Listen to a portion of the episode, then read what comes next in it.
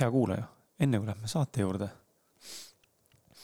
soovin sulle tuletada meelde, et ma tegutsen äh, toidulisendi äris. suunan sinu tähelepanu enne saate algust sinu tervisele. uus aasta, uued lubadused ja nii edasi, et ähm, mul on sulle pakkuda üht toodet, mis on võimeline puhastama sinu soolestikku, jääkaine katust. põhjuseid äh,, miks selline soolestikku kattev äh, katt või kiht siin üldse tekib, on tegelikult mitmeid kuid üks peamistest on ebatervislik ja ebateadlik toitumine. tegemist ei ole ravimi ega imetootega, mis lahendas kõik sinu mured ja seda ma tegelikult ei hakka sulle lubama. küll aga on tegemist tootega, mis on mõeldud inimestele, kellel on päriselt soov muutuda. ja tõesti, see toode loob ähm, väga hea vundamendi millegi uue rajamiseks ja ettevõtmiseks. tutvustan sulle meie kõige efektiivsemat toodet nimega One ehk organismi puhastust toosne, toode koosneb äh, kolmekümne ühest erinevast taimsest saadusest ja samuti patenteeritud piimabakteritest, mis olenevalt taimesegust on läbinud kolmeaastase fermentatsiooniprotsessi. see kompott hakkab siis sinu soolestikus äh, olevate aastate jooksul kogunenud või kuhjunud kattu lagundama ning äh, seda sodi siis soolestikust järgnevate päevade jooksul välja ka tooma. terve soolestik tähendab tegelikult ju tervemat keha ja kui meie soolestik on puhas, siis ka kõik toidust ja toidulisanditest saadavad toitained, nii mikro kui ka makrod, saavad kehas palju paremini ja efektiivsemalt imenduda, mis tähendab, et sa tõenäoliselt sööd vähem, sest äh, saad ka rohkem kätte tojust. kui sind huvitavad äh, sellised kasutegurid nagu siledam ilusam nahk, rohkem energiat igapäevaselt, korras toimiv seedimine mm,, vähenenud magusisu, parem emotsionaalne tasakaal, rohkem äh, fookus, selgem mõtlemine tervislikumad toitumisharjumused, parem toitainete ja toidulisandite imendumine, langenud kaal, väga oluline, ja tugevam immuunsus, parem uni või hoopis kergustunne enda kehas, siis ma tungivalt soovitan sul tutvuda meie koduleheküljega www.organismipuhastus.ee ja kui sind kõnetab toode, millest hetkel räägin, siis tee endale üks hilisem jõulukingitus või uue aasta kingitus ning kingi endale tervist toetav toode. ja kasuta kindlasti ka seda sooduskoodi, mille ma sulle loonud, milleks on äh, lihtsalt Kris, kõik väiksed tähed. ja saad toote hinnast kakskümmend neli eurot lausa alla. kood kehtib kuni kolmkümmend üks jaanuar. ma tänan sind ja mõnusat kuulamist sulle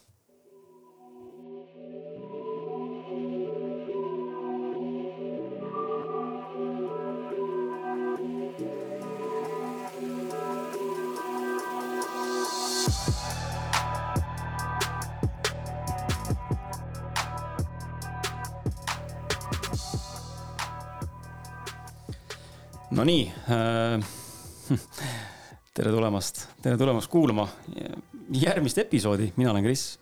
tervitan sind äh, alanud episoodi. me võtame selle episoodi mõnes mõttes kokku lõppenud äh,, äsja lõppenud kaks tuhat kakskümmend kolm aastaga, sest me tegelikult istume siin äh, Gretega praegu laua taga ja meil on tegelikult kolmkümmend üks detsember äh,. nii et täna õhtul on veel veel meil salvestamise hetkel äh, vana aasta, sina seda kuuled tegelikult siis, kui juba on peale alanud äh, mõnusasti uus aasta koos uute lubadustega. ja uue tempo ja uue tuhinaga loodetavasti, või siis mitte, äh, aga sellest, kui suurt tuhinat keegi peaks uuel aastal omama või, või millise tempoga elus edasi minna, sellest me kindlasti räägime ka.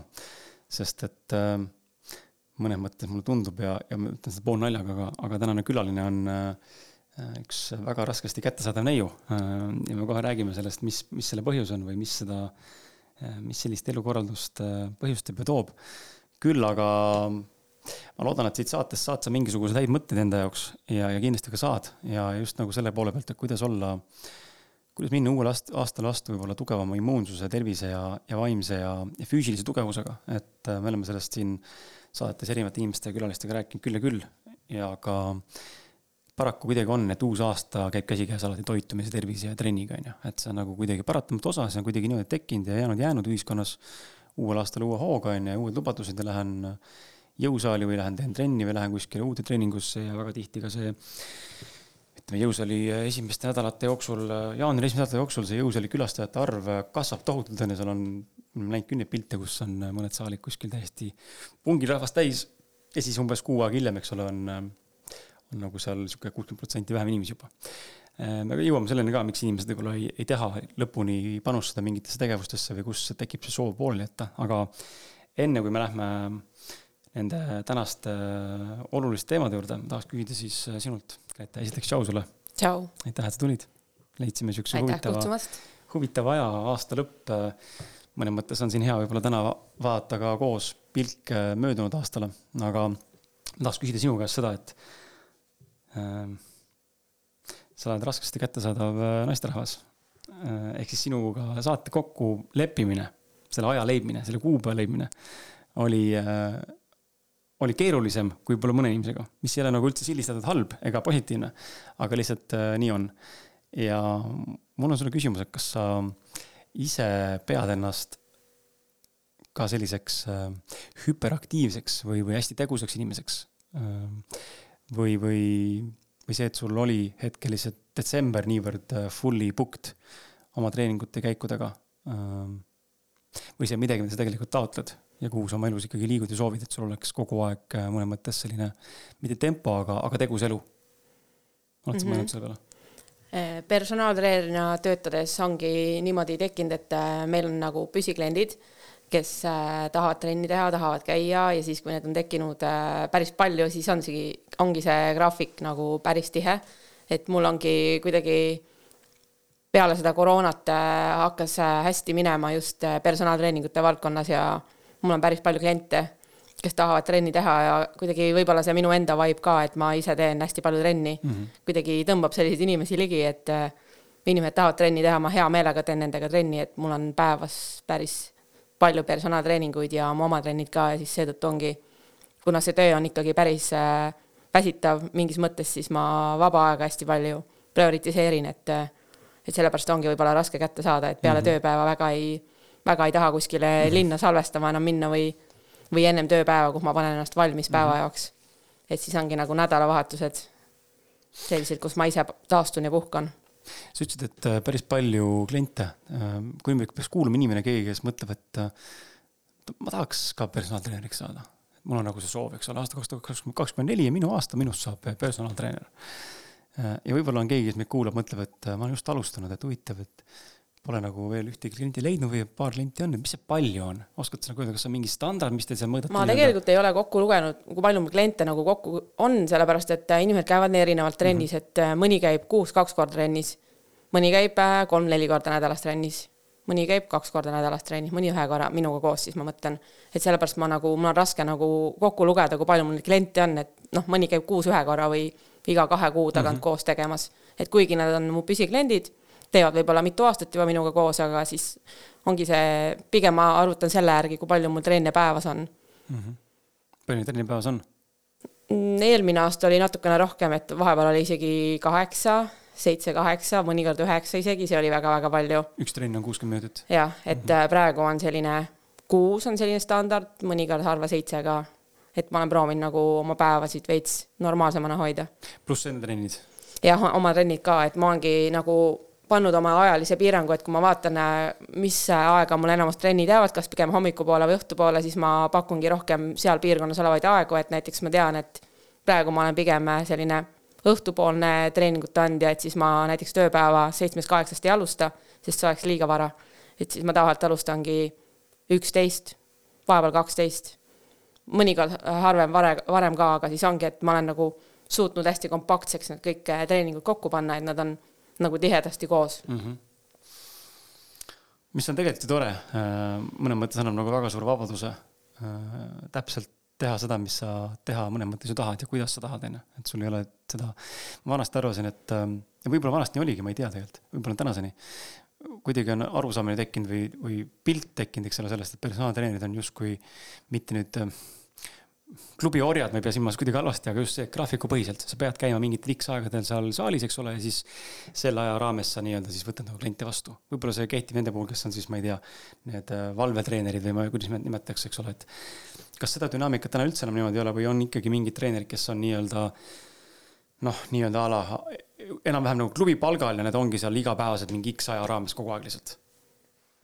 Või see on kõigil flex ikkagi? ma arvan, et see on suhteliselt paindlik, et äh, isegi need, kes on klubi palgal või kuidagi klubi kaudu makstakse, siis äh, ma muidugi ei tea, kuidas teistes klubides on, aga ikkagi see tasu tuleb vastavalt sellele, palju sul kliente on mm. -hmm ja lihtsalt inimesel on endal ju parem, kui ta ei pea olema kell seitse hommikul saalis ja kell kaheksa õhtul saalis, et väga raske on niimoodi oma päevasid organiseerida, kus sa, kus sa pead olema väga vara kuskil ja väga hilja kuskil, et mida enam selle valdkonnaga tegelenud oled ja püsikliendid kujunevad, siis peaks tegelikult äh, valima selle tööaja omale.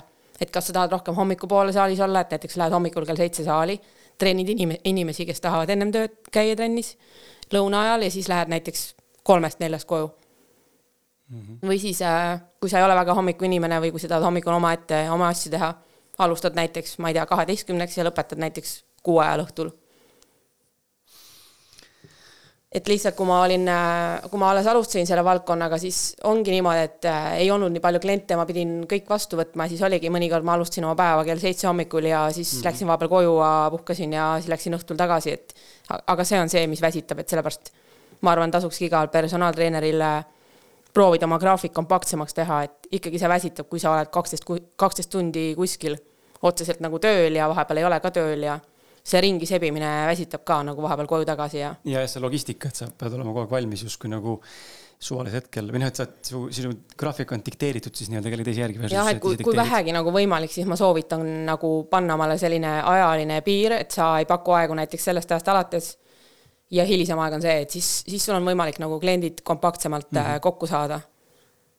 ja, ja õiged inimesed tulevad, et võib-olla see võtab alguses aega, et ongi vaja alguses natukene ebamugavat graafikut taluda et äh, võtad kõik vastu, aga, aga hiljem ikkagi oleks vaja sellest omale normaalne töökoht teha ja siis, siis sa pead ise enda eest seisma lihtsalt mm. -hmm.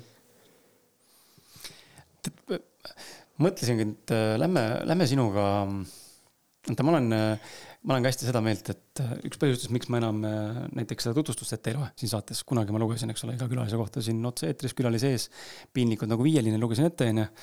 ja siis nüüd ma ei ole seda nagu teinud väga pikalt ja ma just eile käisin sõbra juures ja, ja siis seal tuli jutuks ka see, kuidas kõik nagu mõnes mõttes nagu heietavad kogu aeg. Äh, kui tuleb küllagi külaline, eks ole, kas siis ma ei tea, ütleme podcast'i või laivi on ju mingi Facebook, Instagram live, siis alati, isegi kui ta on tuntud inimene, siis ähm, lastakse külalisel rääkida see enda lugu, on ju, kes sa nagu oled ja mis sa teed ja mis mõnes mõttes on hästi tore.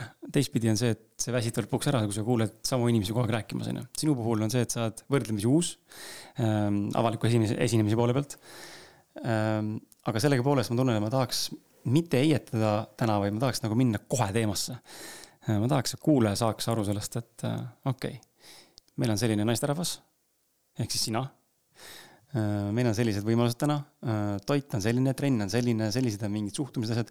et läheks kohe nagu äh, teemaga sügavaks ja ma esimese küsimusena sinu käest küsiks seda, et ähm, kui sa vaatad üleüldist enda, ütleme, heaolu või tervist, äh, ja ma ei pea silmas ainult toitumist, vaid üleüldist ja ka oma klientide heaolu tervist või üldse inimest kui kom-, kompleksset sihukest tervikut. mis võiks olla esimesed sellised mõtted hmm,, üks-kaks mõtet äkki, mis sul pähe kargavad, miks võiks inimene tegelikult pöörata tähelepanu füüsilisele aktiivsusele ja miks ta üldse peaks või võiks hakata jälgima enda tegelikult toitumist. me ei pea rääkima praegu konkreetselt ühest dieedist, me selleni võib-olla saate lõpus jõuame ka, aga üldistatuna, et miks on oluline enda eest mõnes mõttes hoolitseda, sest meil on inimesi küll, kes noh, me kõik teame inimesi, kes, kes võib-olla on täiesti normaalkaalus ja tegelikult ei ole mitte kuidagi aktiivsed ja ei jälgi mingit toitumist, võib-olla on väga hea. võib-olla on väga hea geneetika, eks ole, et nad suudavad püsida väga normaalses kaalus, nii-öelda normaalkaalus ja kehamassi indeks on paigas ja nii edasi, rasvaprotsendid on madalad, aga seal on, me tegelikult kõik ju teame, kui oluline, kui, mis, missugused benefit'id on tegelikult treeninguga kaasnenud ja nii edasi, onju, et mis on sinu kui treeneri selline perspektiiv, mida sa oled näinud nagu enda pealt võib-olla ja klientide pealt, et kas sellest on päriselt kasu ka, kui inimene hakkaks täna mõtlema, et okei okay,, jaanuar kaks tuhat kakskümmend neli hakkas pihta nüüd, näen, nad räägivad treeningutes, ma ei ole veel alustanud kuskil, pole kunagi jõusaalis käinud ka, onju. no kurat, äkki peaks. miks? Mis võiks olla see koht, mida inimesed vaatavad, mõtlevad, et okei okay,, see on piisav põhjus, mida Grete just ütles, miks minna hakata tegelema toitumisega ja hakata tegelema treeningutega. mis see annab sulle? no üldiselt esimene asi, mida treening ja toitumine äh, läbimõeldult mõjutab äh, kõige esimesena, kõige kiiremini, millest kohest efekti me tunneme, on enda heaolutunne, et me tunneme ennast hästi, kui me liigume, kui me teeme trenni, meie heaolu on pärast seda kõrgem kui ennem. me tunneme neid positiivseid äh, energiaid, dopamiini ja kõiki neid positiivseid mõjusid meie kehas, et pärast seda, kui sa oled trennis pingutanud, siis keha lõdvestub ja on hea nagu olla oma, omas mm -hmm. kehas ja lihased lähevad, äh, on saanud teha tööd ja siis lähevad nagu mõnusasse relax asendisse, et nagu pärast on hea olla lihtsalt oma kehas, kui sa oled selle trenni ära teinud, hea tunne füüsiliselt. ja toitumisega samamoodi ju, meil on ju kohe efekt, kui me oleme midagi söönud, et kui me oleme, sööme midagi tervislikku, midagi kergesti seeditavamat võib-olla, siis me tunneme ennast pärast hästi meil on energiat, et tegutseda, aga kui me sööme midagi väga rammusat ja rasvast ja suures koguses, siis meil on nagu selline energia käib alla ja oleme väsinud mm -hmm. ja mhm. oleme uimased ja et see on nagu see kohene efekt, mida ma arvan, me tunneme, kui me kas toitume teadlikumalt või, või teeme trenni.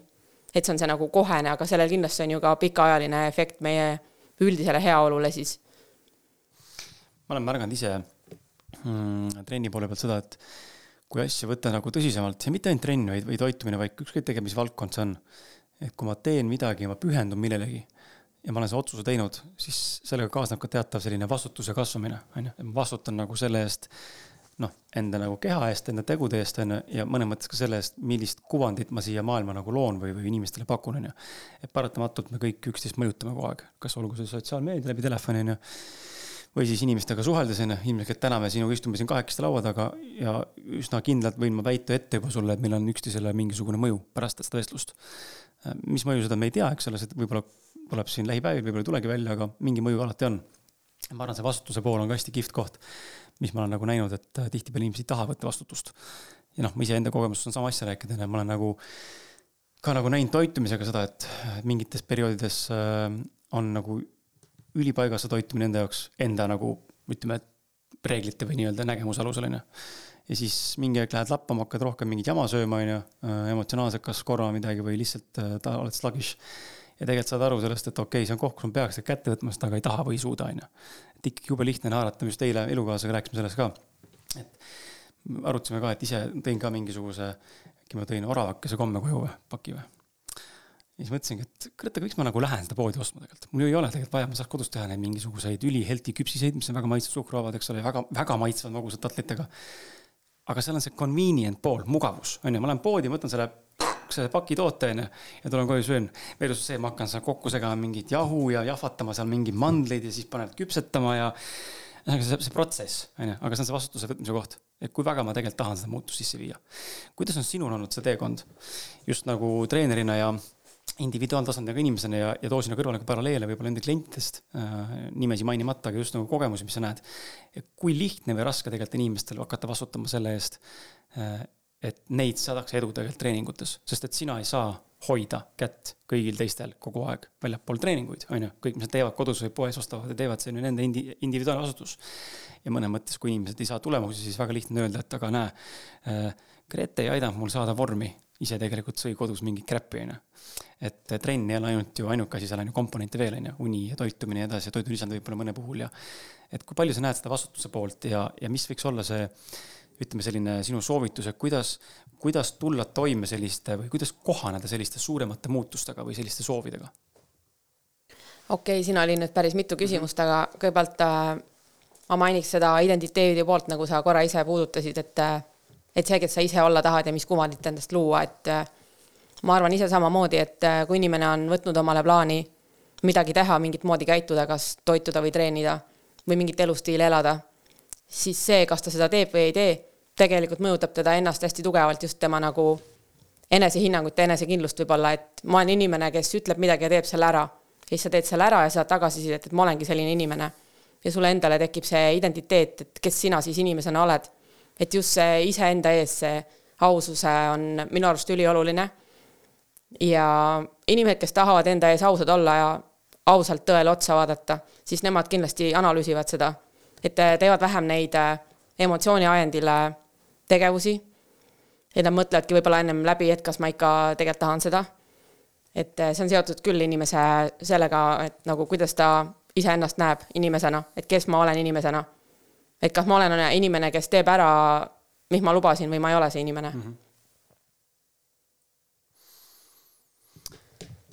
aga kuidas seda võib-olla sellisel viisil nagu kasvatada endas, ütleme seda järjepidevust või, või tahtejõudu või vastutuse võtmist või jätkusuutlikkust, et kas see on, ongi see üks, ütleme treeningute näitel, eks ole, see on see üks trenn korraga kohale tulemine ja päriselt pingutamine, tegemine. või see on see üks toidukord korraga või, või suut-, suut-, noh, suutlikkus nii-öelda siis öelda sellele harvale harjumusele teadlikult ei. kuigi see võib-olla minu sees kripeldab, eks ole, jubedalt tahaks haarata mingit noh, ma ei tea, mis iganes asju, eks ole, aga, aga näed, ma ütlen endale praegu, et ma ei võta seda. tunne jääb sisse kehva, eks ole, keha reageerib sellele, et ta ei saa seda nagu väike narkomaan on ju, aga samas sa tead tegelikult, et long term on tegelikult seal benefit on ju. kas see on need väiksed võidud või need väiksed pisikesed sammud, mis viivad siis selleni, et ma lõpuks hakkan ennast usaldama ja mul tekib see eneseusk, et näed, ma tegelikult saan hakkama ma usun küll, et äh, väikestest sammudest tegelikult tulekski alustada, et eriti kui inimene ei ole varem tegelenud trenni või toitumisega, et siis just need väiksed sammud on üliolulised, et sa ei hakka kõike korraga muutma, kogu suurt pilti. et sa alustad väikeste asjadega, näiteks ma täna ei võta magustoitu, ma võtan näiteks puuvilja või ma ei tea, täpselt seesama, et äh, ma ei lähe osta poest omale mingisugust kooki või mingit kommi, et ma teen ise kodus. näiteks suhkruvaba, et ongi mm. -hmm. ma ise tegin siin üks päev mingit šokolaadikooki kus olid sees kikerherned, kakaopulber, tatlid, taimne piim ja küpsetuspulber ja mikserdasin ära, küpsetasin ära ja ülihea brauni mm, -hmm. täiesti suhkruvaba, rasvavaba, põhimõtteliselt ülihea maitsega. ja ma kinkisin mitmele inimesele jõuludeks ka ja kõigile täiega meeldis. et äh, see ongi see, et äh, väikesed muudatused, ma arvan, on need, mis tekitavad seda sa saad selle tagasiside, et sa tundsid ennast hästi, kui sa sõid midagi tervislikku, sa liikusid, sa tundsid ennast hästi ja siis sul tekib nagu uus motivatsioon seda uuesti teha. et tihtipeale see motivatsioon ei olegi nagu eeldus, et see on tagajärg pigem mm. -hmm. et sa teed midagi, siis sa tunned ennast hästi, sa saad tulemust. tulemus võib olla siis noh, pikas perspektiivis see, et sa muudad oma keha näiteks, muudad keha koostist, võtad kaaluste alla või kaotad rasvaprotsenti, võtad lihast juurde, mis kellegi eesmärk on, kui on keha muuta eesmärk ehk siis sa saad tulemust pikas plaanis ja siis sul tekib uus motivatsioon sellest. ja see kehtib ka väikeste asjade puhul ju. et sa võtad midagi head, mis su kehale head teeb, saad kohe see hea positiivse tagasiside ja siis sul on motivatsioon seda uuesti teha järgmine kord. ja ma arvan, et äh, pikas plaanis võib-olla need väikesed sammud loovadki kokku selle, et siis tekib neid igasuguseid isusid üldiselt nagu vähem mm. -hmm. et muidugi ikka vahepeal äh, sööb midagi teistsugust või teeb mingi teise valiku, aga üldiselt nagu ei ole iga päev seda, et tahaks kogu aeg mingit rämpstoitu süüa või midagi halba süüa, sest meie keha muutub ja meie keha juba saab aru ise, mis talle hea on ja tekivad isud pigem sellise tervislikuma asja järgi nagu üldises, üldises plaanis just. tead, ma viimati rääkisin äh,, kui ma nüüd, kui ma nüüd ei eksi, võib-olla peaks kontrollima, aga kui ma nüüd ei eksi, siis viimati ma rääkisin siin enda podcast'is äh, toitumisest äh, treeningutest just treeneriga oligi Gerd Kovit. juba kaks episoodi järjest vist tuli kuidagi. ja sina teed Gerdiga ka koostööd, te olete kolleegid, eks ole mm. -hmm. ja teistpidi ta on ka sinu treener. et äh, nüüd, kui inimene vaata meid kuulab või, või sind kuulab või, või ütleme, läheb mis iganes klubi, kas Golden Club või MyFitness või neid saale on täna nii palju, et vahet ei ole, on ju, läheb mingisugusesse äh, keskkonda, kus pakutakse personaaltreenerite äh, nii-öelda siis eksponaati, on ju. vali endale treener. nüüd äh, küsimus tekib minul ja, ja ma usun, et ka kuulajatel, kes võib-olla väga kursis ei ole ja, ja tegelikult tavainimese jaoks võib-olla need sertifikaadid ja koolitused tegelikult ei ütlegi mitte midagi, on ju. me tegelikult ei hooma, mis maht seal taga on või mis teadmised taga on. sinu resümeed vaadates ühes kohas me leidsime üles selle, mis sa läbinud oled. no see on ikkagi päris pikk neid koolituseid ja sertifikaate, seda on palju. Äh, mitte, mitte palju, palju, minu jaoks ma vaatasin, holy shit. et mida kuradit, sa oled nagu päris tubli olnud, mida kuradit, väga palju tead, väga palju läbinud asju. ja, ja nüüd inimesel võib-olla tekib sama küsimus, on ju, et aga kust ma, mille järgi ma valin selle treeneri? et noh, sina räägid täna ühte juttu Gerd Kovit võib-olla räägib teist juttu, küll täna võib-olla sinule, minule sarnast juttu. keegi kolmas kuskilt räägib kolmandat juttu. Äh, meestreeneritel on hoopis teine nägemus, äh, naistreeneritel on hoopis teine nägemus keha kompositsioonist ja mingist asjadest on ju. Need treenivad ühte klienti väga erinevalt, teinekord ka mitte ainult kliendi soovist lähtudes, vaid treeneri enda nägemust on ju, kuhu võiks liikuda kuidas inimene suudab otsustada, et kelle juurde nüüd lõpuks siis nagu lähen, noh, et äh, ma ei saa ju katset-, noh, okei okay,, ma tegelikult saan katsetada läbi kõik need treenerid, eks ole, siis lõpuks otsustada, et okei okay,, ma võtan selle, aga inimene ei taha teha seda, see on nagu liiga keerukas, tahaks minna kohe selle peale nagu ikka, et quick fix, mis on see õige treener, ma lähen ja teen ja paugutan. kuidas ta peaks selle valiku tegema, mis on sinu soovitus? Ähm, mille alusel inimene peaks nagu või võiks nagu mõõta neid parameetreid ja asju, et okei okay,, see on see treener, kes võiks olla mulle suurepäraseks toeks sellel teekonnal. Tema on see õige. loomulikult on tunnetus inimeste suhted ka omavahel, kui klappi pole, see on selge, aga räägime puhtalt nagu praegu teadmistest ja sellisest nagu lähenemisest. kuidas aru saada sellest, kas see on see treener, kes on pädev? sest meil on väga palju isehakanud treenereid ka, kes tegelikult mõnes mõttes solgivad turgu, neil on küll teadmised, on ju aga jällegi, need ei ole nii, mulle tundub, et need isehakanud treenerid, noh, neil ei ole ju akadeemilist selles mõttes nii-öelda harit-, haridust ega haritust, neil on enda kogemus, mis nad on saanud kuskilt, eks ole, midagi võib-olla õppinud juurde, aga neil ei ole paberid. Aga täna me ikkagi, need, mulle tundub, et need, kes tegelevad inimestega, nagu on personaaltreenerid, neil ikka võiks olla mingisugune selline noh, mõnes mõttes nagu tõendav dokument ja ma päriselt tean, mida ma ka räägin. mitte ma lihtsalt räägin sulle seda, mis minu puhul töötas ja nüüd töötab see kõigi puhul jah, et koolitusi on väga palju erinevaid, ma arvan, et äh, paljudes äh, nendes äh, spordiklubide veebilehel on üleval treeneri tutvustuse juures, et mis koolitused ta läbinud on, vähemalt meil Goldenis on, et kõik põhikoolitused ja väljaõpped on kirjas, et kindlasti peaks tegelikult uurima, kas see inimene on läbinud need väljaõpped. et võib-olla on internetis kuskil tema enda veebilehekülg või kuskil kirjas ja alati saab ju otse ka küsida, et kas ta on läbinud mingeid koolitusi või tavaliselt inimesed seda muidugi ei tee, aga. näita pabereid seda tavaliselt ei, ei tehta jah, aga nagu üldiselt noh, mina olen selline, et kui ma lähen kellegi juurde mingit teenust saama, siis ma teen eeltööd ja ma uurin, et kes ta inimesena on mm, -hmm. et kas ta võiks mulle sobida. noh, see olen mina, on ju. aga samas ka ongi meil Goldenis on kirjas äh, iga treeneri all tema väljaõpe ja siis seal on kirjas ka spetsiifika. et kindlasti treenerit valides äh, võiks vaadata ka, et kas see spetsiifika, mis seal kirjas on, võiks sobida sellega, mis sellel inimesel nagu soov saada on. näiteks äh, mõni on, tegeleb sünnitusjärgse treeninguga, on ju, pakub seda teenust, mõni tegeleb kaalulangetuse, kaalu tõstmisega, mõni kaalu tõstmist ei paku, on ju, ainult kaalulangetus. mõni. mis see tähendab, et ei paku, kas ta siis ei tea, kuidas seda teha või? kaalu tõstmise all pigem ongi mõeldudki seda, et nagu lihasmassi juurde saada, aga nagu ongi, et see, võib-olla ta kardab ise, et kui ta ei ole ise läbinud seda protsessi enda peal, siis ta mm -hmm. nagu ei julge seda mm -hmm. juhendada, et kuidas see kaalu tõstmine ikka siis välja näeb. et äh, tegelikult see tähendab keha koostise muutmist samamoodi lihasmassi arvelt, et sa peadki mingi aja jooksul siis võib-olla muutma ka oma toitumist, on ju, et milline see toitumine peaks seal taga siis olema, et et see on võib-olla natukene uuem ja teistsugusem asi, et kõik ju räägivad ainult kogu aeg mhm. kaalulangetusest, kaalu tõstmisest ei räägi keegi et siis safe im on panna kaalulangetus, siis mm -hmm. on olemas äh, noh, nagu Gert on kirja pannud, et ta on ka noh, jõu arendamine, jõu tõstmise treener on ju, et vaadata, et kas see, mis see inimene soovib, et kas see treener spetsiifikas on see asi kirjas, on ju. ja siis võib-olla ka iga, iga treener on saanud äh, kirjutada nagu sellise enda lühitutvustuse sinna, et kas see, kas see lühitutvustus kõnetab sind, et see, mismoodi ta ennast kirjeldab, et kas see üldplaan võiks olla selline tema sõnakasutus või mismoodi ta ennast väljendab, et kas see võiks olla see, mis sulle võiks sobida ja kui, kui sa näed, vaatad seda inimese pilti ja need kõik kriteeriumid tunduvad nagu, et võiks sobida, siis võiks ju proovida.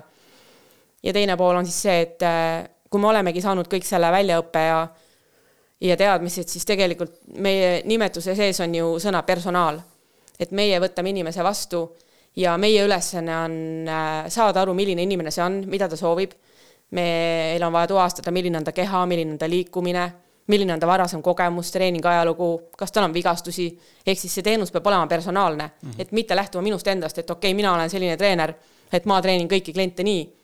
aga ma ikkagi pean lähtuma kliendist endast, et see on meie tööülesanne, see on meie nimesse lausa sisse kirjutatud, et ma ei saa treenida kõiki kliente ühtemoodi, sest see on minu treeningstiil, käekiri. et ma ikkagi võtan kõik need oma teadmised, mis ma olen saanud ja üritan selle, need teadmised selle inimesega kokku panna, et kas see võiks talle sobida ka ja mis sellele inimesele endale teha meeldib, on ju veel kolmas faktor. et kõikidele ju kõik harjutused ei meeldi, et kui inimene ei taha kangiga kükki teha, siis ta ei pea seda tegema mm. ju. et minu ülesanne on leida talle alternatiiv, mis läheb tema eesmärgiga kokku, mis sobib tema kehale, mis talle endale meeldib. ja see peab olema, olema ka mingis mõttes niimoodi, et võib-olla ka klient alguses midagi teha ei taha, sest ta näiteks kardab või tal on plokk ees siis võib-olla rahulikult aja jooksul tutvustada mingeid keerulisemaid variatsioone, et ta saaks üle sellest hirmust, sest tihtipeale miks inimesed ei taha mingeid asju teha, ongi see, et neil on tegelikult ju hirm. ehk siis meie ülesanne ongi nagu luua sellist mõnusat, turvalist treeningkeskkonda, kus inimene tunneb, et ta saab hakkama, et ta on võimeline, et ta areneb, et see on see pool, et kus meie teeme seda nii-öelda matšikut, et mm, -hmm. et äh, inimene hakkab tahtma rohkem ja rohkem ja talle hakkab see meeldima ja, aga see on meie pool teha talle meeldivaks see, mitte et mina ütlen, et sina pead tegema jõutõmmet, sest et mina usun, et jõutõmme on parim harjutus ja ma pean kõik oma kliendid samamoodi jõutõmmet tegema. võib-olla ta isegi tahaks seda teha, aga võib-olla mitte kohe, on ju. võib-olla ta tahab lihtsalt alguses rahulikku sissejuhatust üldse vaadata, mis toimub, mingeid lihtsamaid asju teha, siis võib-olla tal hakkab huvi tekkima mingite keerulisemate asjade vastu, et kuna ma tahaks seda proovida. et siis see ongi nagu, ma arvan, et see oleneb hästi sellest äh, treenerist, et äh, kui väga ta on nagu huvitatud oma tööst, et sul peab tõele, tõesti olema kirg, kirg selle töö vastu, et sa tahad inimesed viia sinnamaale, et neid, et nad saaksid üle oma hirmudest ja nad tahaksid liigutada, et nad hakkasid, hakkaksid oma kehas ennast hästi tundma, on ju, treeningute ajal. et tekiks see, just see treeningute nautimine, et see ongi meie töö ju, et sellepärast ongi see, see hästi personaalne peab olema, sest inimesed on nii erinevad ja neile meeldib nii erinevaid asju teha, et mõnele meeldib ainult masinatega treenida, on ju ja sellist inimest ma ei hakka ju sundima mingeid muid asju tegema, sest mhm. masinatega saab ju ka treenida. ja nendes ei ole midagi halba. samamoodi mõnele ei meeldi üldse masinatega treenida. meeldivad hoopis keharaskusega harjutused, et jällegi minu ülesanne on aru saada, mis talle meeldib, mis ta kehale sobib, mis variatsioonid talle sobivad, milline treeningkoormus ta kehale üldse sobib, mis tal vajalik on eesmärkide saavutamiseks ja kõik see pusle nagu nii-öelda kokku panna. kas klubid, ütleme sinu klubi Golden pakub ka nagu äh, mingit varjupäeva või, või töövarju nii-öelda, et ma saan tulla või tasuta trennina, eks ole, või mingit muud alternatiivi, et ma saan tulla vaatama ja võib-olla isegi mitte osalema kohe trennis, ma saan tulla lihtsalt vaatama kõrvalt, kuidas see treener oma kliendiga käitub näiteks või on? või kas sa mõelnud, kas sihuke asi võiks aidata kedagi nii-öelda mõnes mõttes nagu ära close ida ja teistpidi tekitada seda usaldust, et okei okay,, mulle meeldib, kuidas ta selle inimesega räägib, ma vist tahaks tulla proovida tema juures trenni teha alati võib ju tulla ka lihtsalt äh, proovitreeningusse jõusaali, et ei pea kohe treenerit võtma, et tuled jõusaali, käid seal alguses, võib-olla hästi midagi teha ei oska, aga ma ei tea, lihtsalt lähed sinna kasvõi sõbraga koos, ma ei tea, tutvud selle keskkonnaga, vaatad, kuidas treenerid töötavad. treenerid on üldiselt majas, treenivad oma kliente, siis sa juba võib-olla hakkad nägema, kes sulle meeldida võib. et äh, tihtipeale minu juurde on tulnud ka saalis kliente, kes on Goldenis juba ammu käinud ja siis nad äh, on märganud, et mina seal tegutsen ja tahtnud minu juurde trenni tulla. et, äh, et jah, leidnud nagu saali peal, et, äh, et minu see tööstiil ja isiksus võib-olla meeldib neile, siis nad on tulnud trenni minu juurde. sinu see sära seal saalis aga, aga okei okay kas ma eksin, kui ma väidan, väidan midagi sellist, et ja ma võin eksida, aga mulle tundub, et äh, naistreenerite poole pöörduvad mehed pigem vähe. vastab see tõele? sinu kogemuse alusel? ma arvan, et nii ja naa, et mul on ikkagi meeskliente ka mm,. see oleneb inimesest, ma arvan, et pigem, pigem tänapäeval isegi vist ei ole niimoodi. vähe vanasti mulle tundus, et oli väga jõuliselt see naistreener oli saalis, siis noh, ma kujut-, püüan nagu ette kujutada samastada siukse klassikalise tüüpilise siukse Eesti mehega, noh, et kel see ego on kõrge, onju, et ta ei, elu sees ei suudaks minna ja kuulata naistreeneri mingi nõuandeid, onju, et äh, ma ise sain selle kogemuse siin äh, alles hiljuti ka, olin trennis ja siis tegin Rumeenia jõutõmmet, kes ei tea, võib guugeldada, saab nagu näha, mis see on, tegin seda SMIT-masinal ja ja siis tundsin nagu, et nii toimub tagariies üldse venitust nagu ei tunne midagi, et jube imelik, kas ma tegin midagi valesti, on raskus liiga suur või. siis kõrval naine tegi nagu üks personaalne naine, treener, kes on naisest, tegi trenni eelmise naisega. Läksin juurde, ütlesin, et ma korra segan, et teil on trenn, ma saan aru, aga mul on küsimus nagu selle Rumeenia jõutõmbe kohta. kas oskate äkki nagu öelda? ja siis ta andis soovituse, et tõsta nagu platvorm kõrgemale. noh, panna mingi pukk alla, vaata, et ma oleks, siis saaks nagu minna nagu sügavamale nii-öelda. et siis tahaks, saaks võib-olla tekkida see venitus. ja siis nagu töötas, onju. mille peale ise jälle üldse ei oleks tulnud.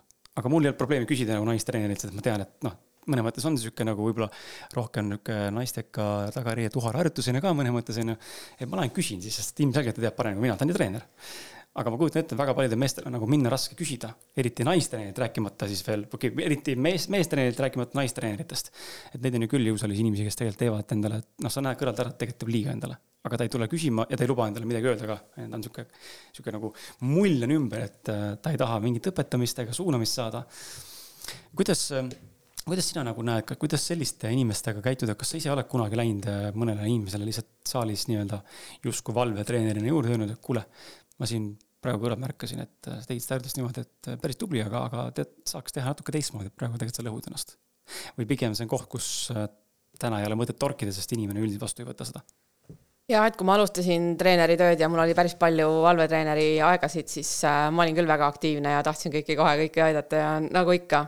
Said ruuporiga saalisse ei, mitte päris, aga, aga ongi, et kui ma nägin inimest, kes tegi midagi valesti, siis ma tutvustasin, kes ma olen, et mm -hmm. ma näitan talle veits paremat äh, metoodikat, kuidas seda harjutust paremini teha, aga tihtipeale see inimestele tõesti ei meeldi, et sa kargad lihtsalt ligi ja hakkad neid parandama. huvitav, miks ei meeldi, see on järelikult see on mingi ikkagi egotasandi trigger, ma arvan, et või siis, või äkki on mingi süütunne või selline, et ma ei taha tunnistada, et ma olen valesti treeninud. ma arvan, et see jah, eh, tekitab neis endas nagu halba tunnet, halba tunnet, ebakindlust ja nad tunnevad ennast halvasti ja neile ei meeldi see halb tunne ja nad tunnevad ennast nagu üldse et siis äh, hiljem, kui ma olin ikka veel valvetreener, siis mul olid nagu uued metoodikad juba, et siis ma lihtsalt nagu noh, kui ma seal olin, on ju, nägin inimene tegi trenni, tutvustasin ennast, et tšau, ma olen siin valvetreener, kuidas sul läheb, miks sa käid trennis, kas sul on mingi eesmärk ka, on ju ja siis äh, noh, inimestele meeldib endast rääkida, et äh, kui ma juba küsin, et äh, vau wow,, et ma näen, sa teed siin mingit biitsepsit, et kas sa tahad omale ma ei tea, suure, suuremat biitsepsit saada või ma ei tea, küsin midagi trenni kohta, et mis sul selle aasta trenni eesmärk on või nagu lihtsalt sellist nagu small talk'i.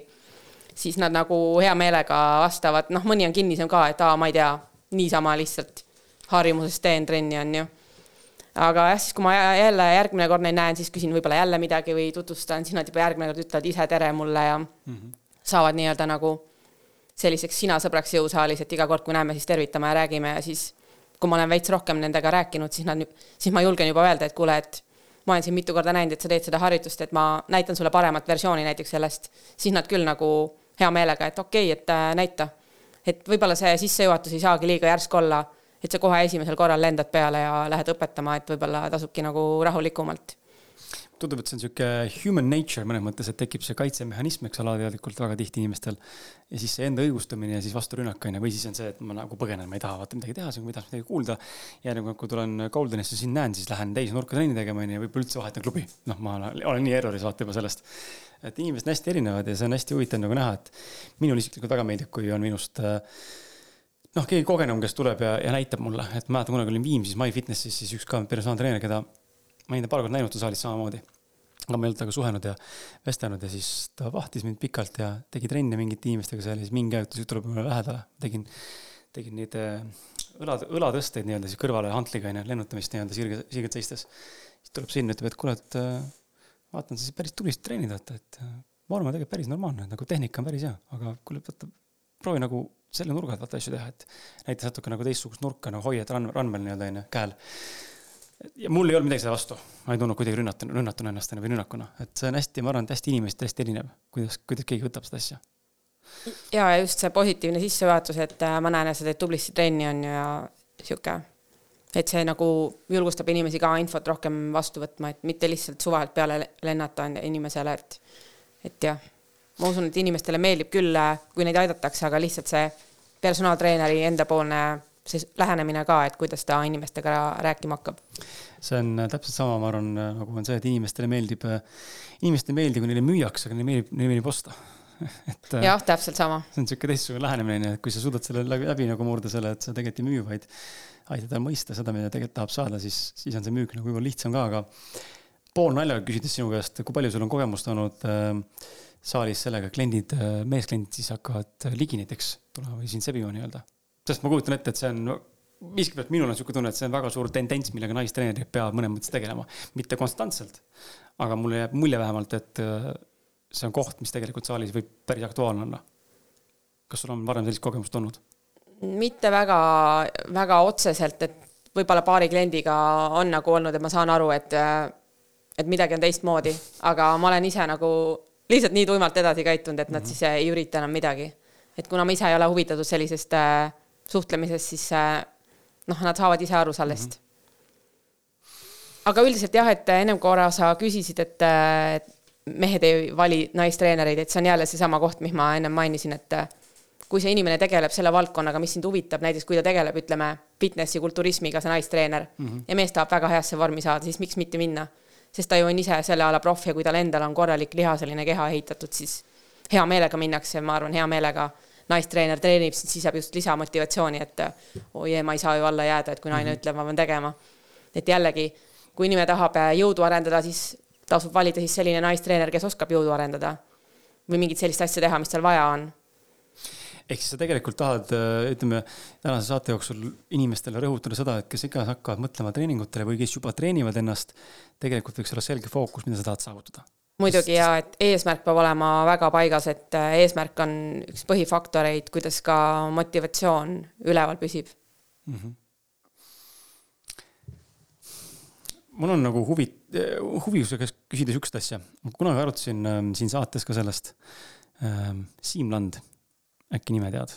üks, üks, üks tuntumaid biohäkkereid ja, ja noh, ütleme tema treeningmeetodid ja tema väljanägemine näitavad ka selgelt seda, et ta teab, mida ta teeb ei ole ta väike poiss. Äh, me temaga rääkisime sellest, kuidas, äh, vaata, meil on hästi klassikaline, äh, laialt levinud selline ütleme, biokeemiline, füsioloogiline, anatoomiline pool, eks ole, et kui ma tahan võtta kaalus juurde või lihasmassi kasvatada, siis ma üldiselt pulgin, söön ennast suuremaks, eks ole, ja siis hakkan lõpuks cut ima ehk rasva põletama. püüdes säilitada siis seda juurde tekkinud lihasmassi nii-öelda. kas see on nagu sinu arvates ka selline ainukene viis või, või kas on võimalik kuidagi, mind ennast huvitab lihtsalt see, sest et mind ei, mind ei paelu üldse see pulkimine ja kattimine. et kas on võimalik stabiilselt minna konstantselt, niimoodi ma lähen järk-järgult enam-vähem samasuguse ütleme, keha kompositsiooni ja, ja massi juures lähen äh, kaalult ja lihaselt, lihast arvates kaalult suuremaks ja kogu aeg suuremaks, aga ma ei pea tegelema selle eraldi XS cut, fat cut imisega nii-öelda.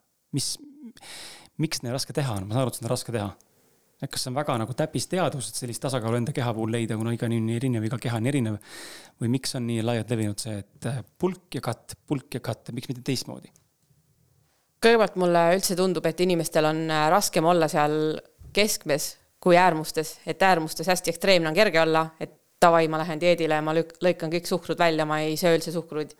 lihtsalt silmaklapid peas, mingi aeg teed selle ära ja siis teine äärmus sööb samamoodi tagasi mm. -hmm et äh, keerulisem on olla selline tasakaalu stabiilne, teha sarnast asja, kui see, et teha mingeid ekstreemsuseid.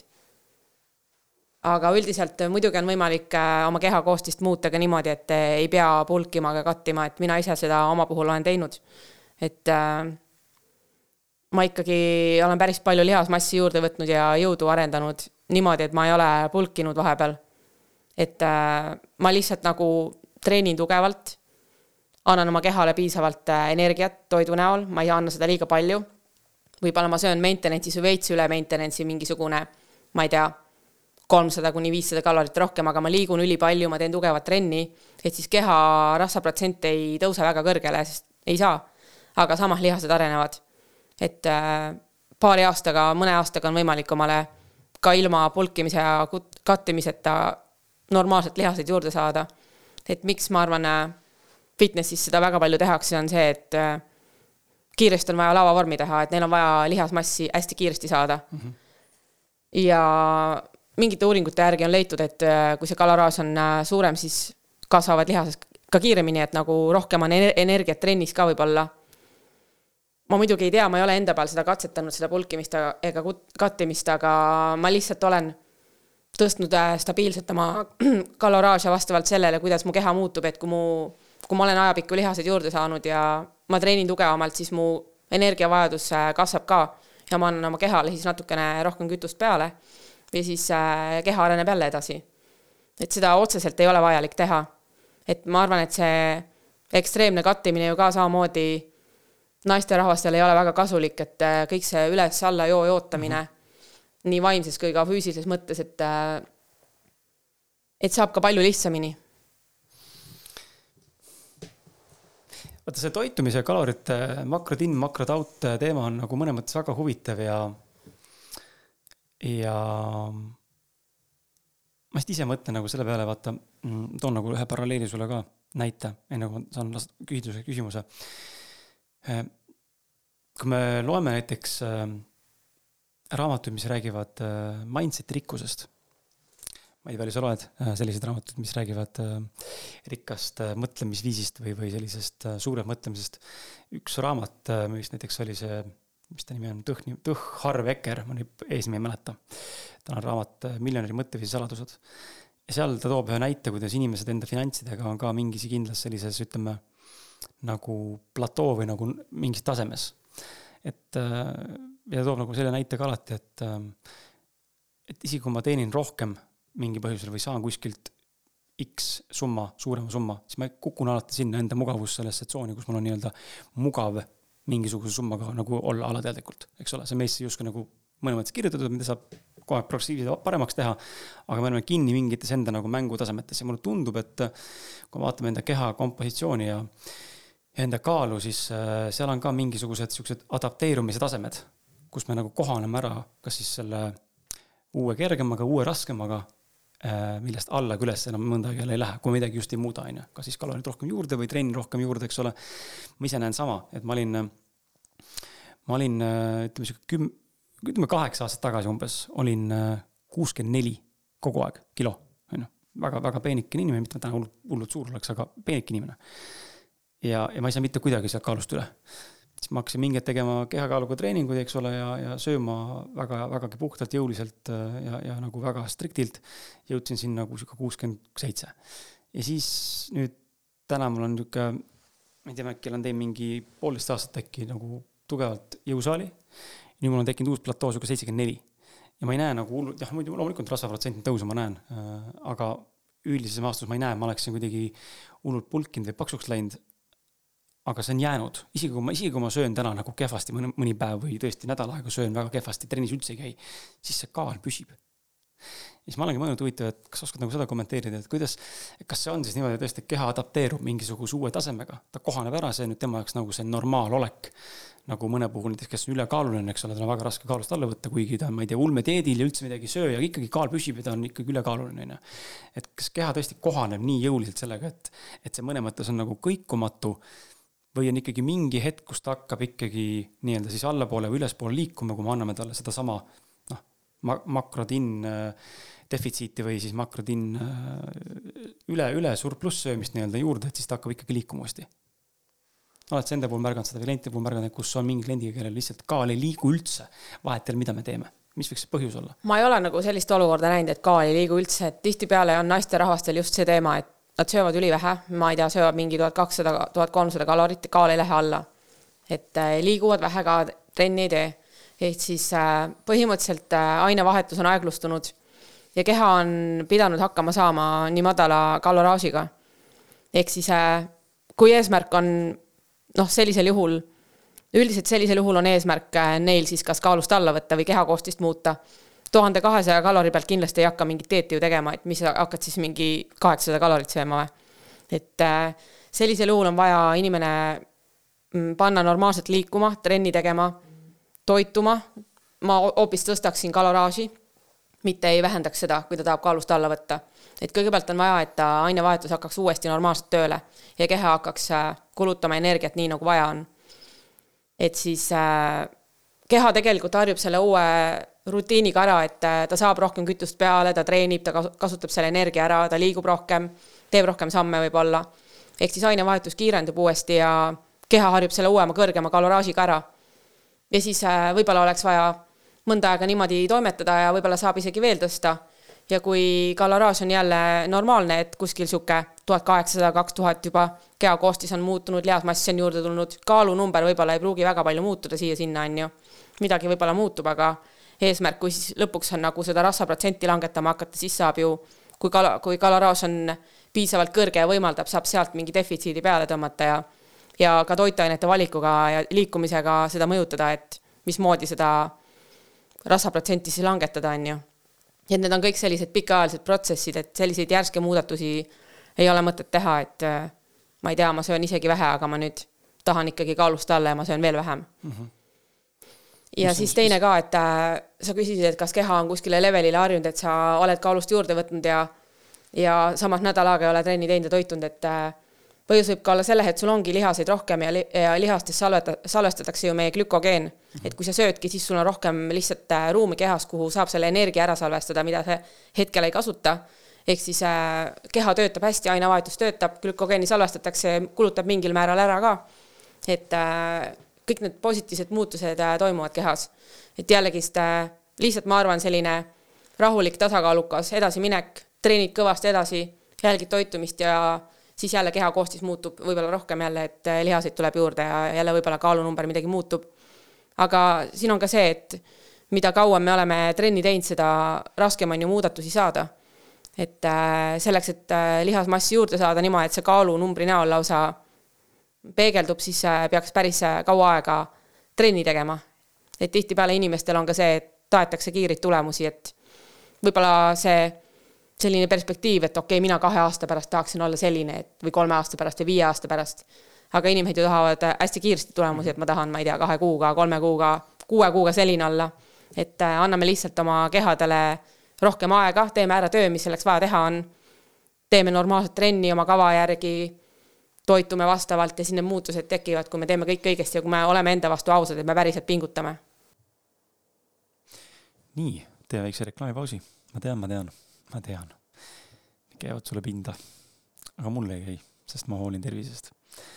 ja ma lihtsalt teen sulle väikse meeldetuletuse ka, et ähm, kui oluline tegelikult on mikrobioom meie kehas, millest viimasel ajal väga palju räägitakse.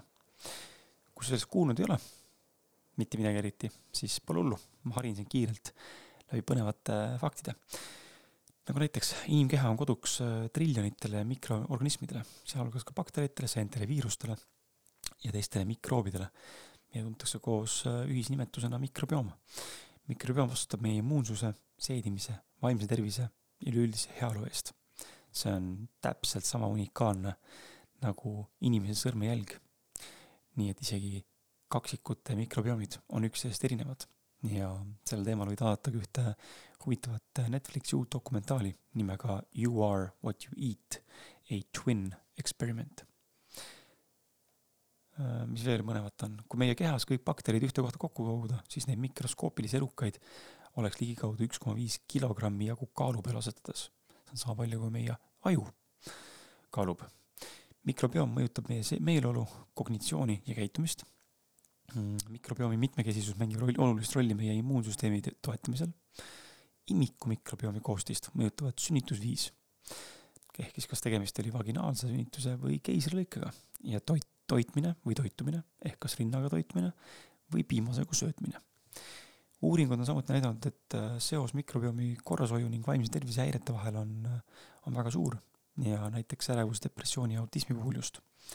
ja mis on veel põnev, naljakas fakt fekaalne mikrobiomi siirdamine ehk sita siirdamine on reaalne protseduur, kus tervislikke mikrobioome sisaldav fekaal siirdatakse saajale tasakaalustatud mikrobiomi taastamiseks.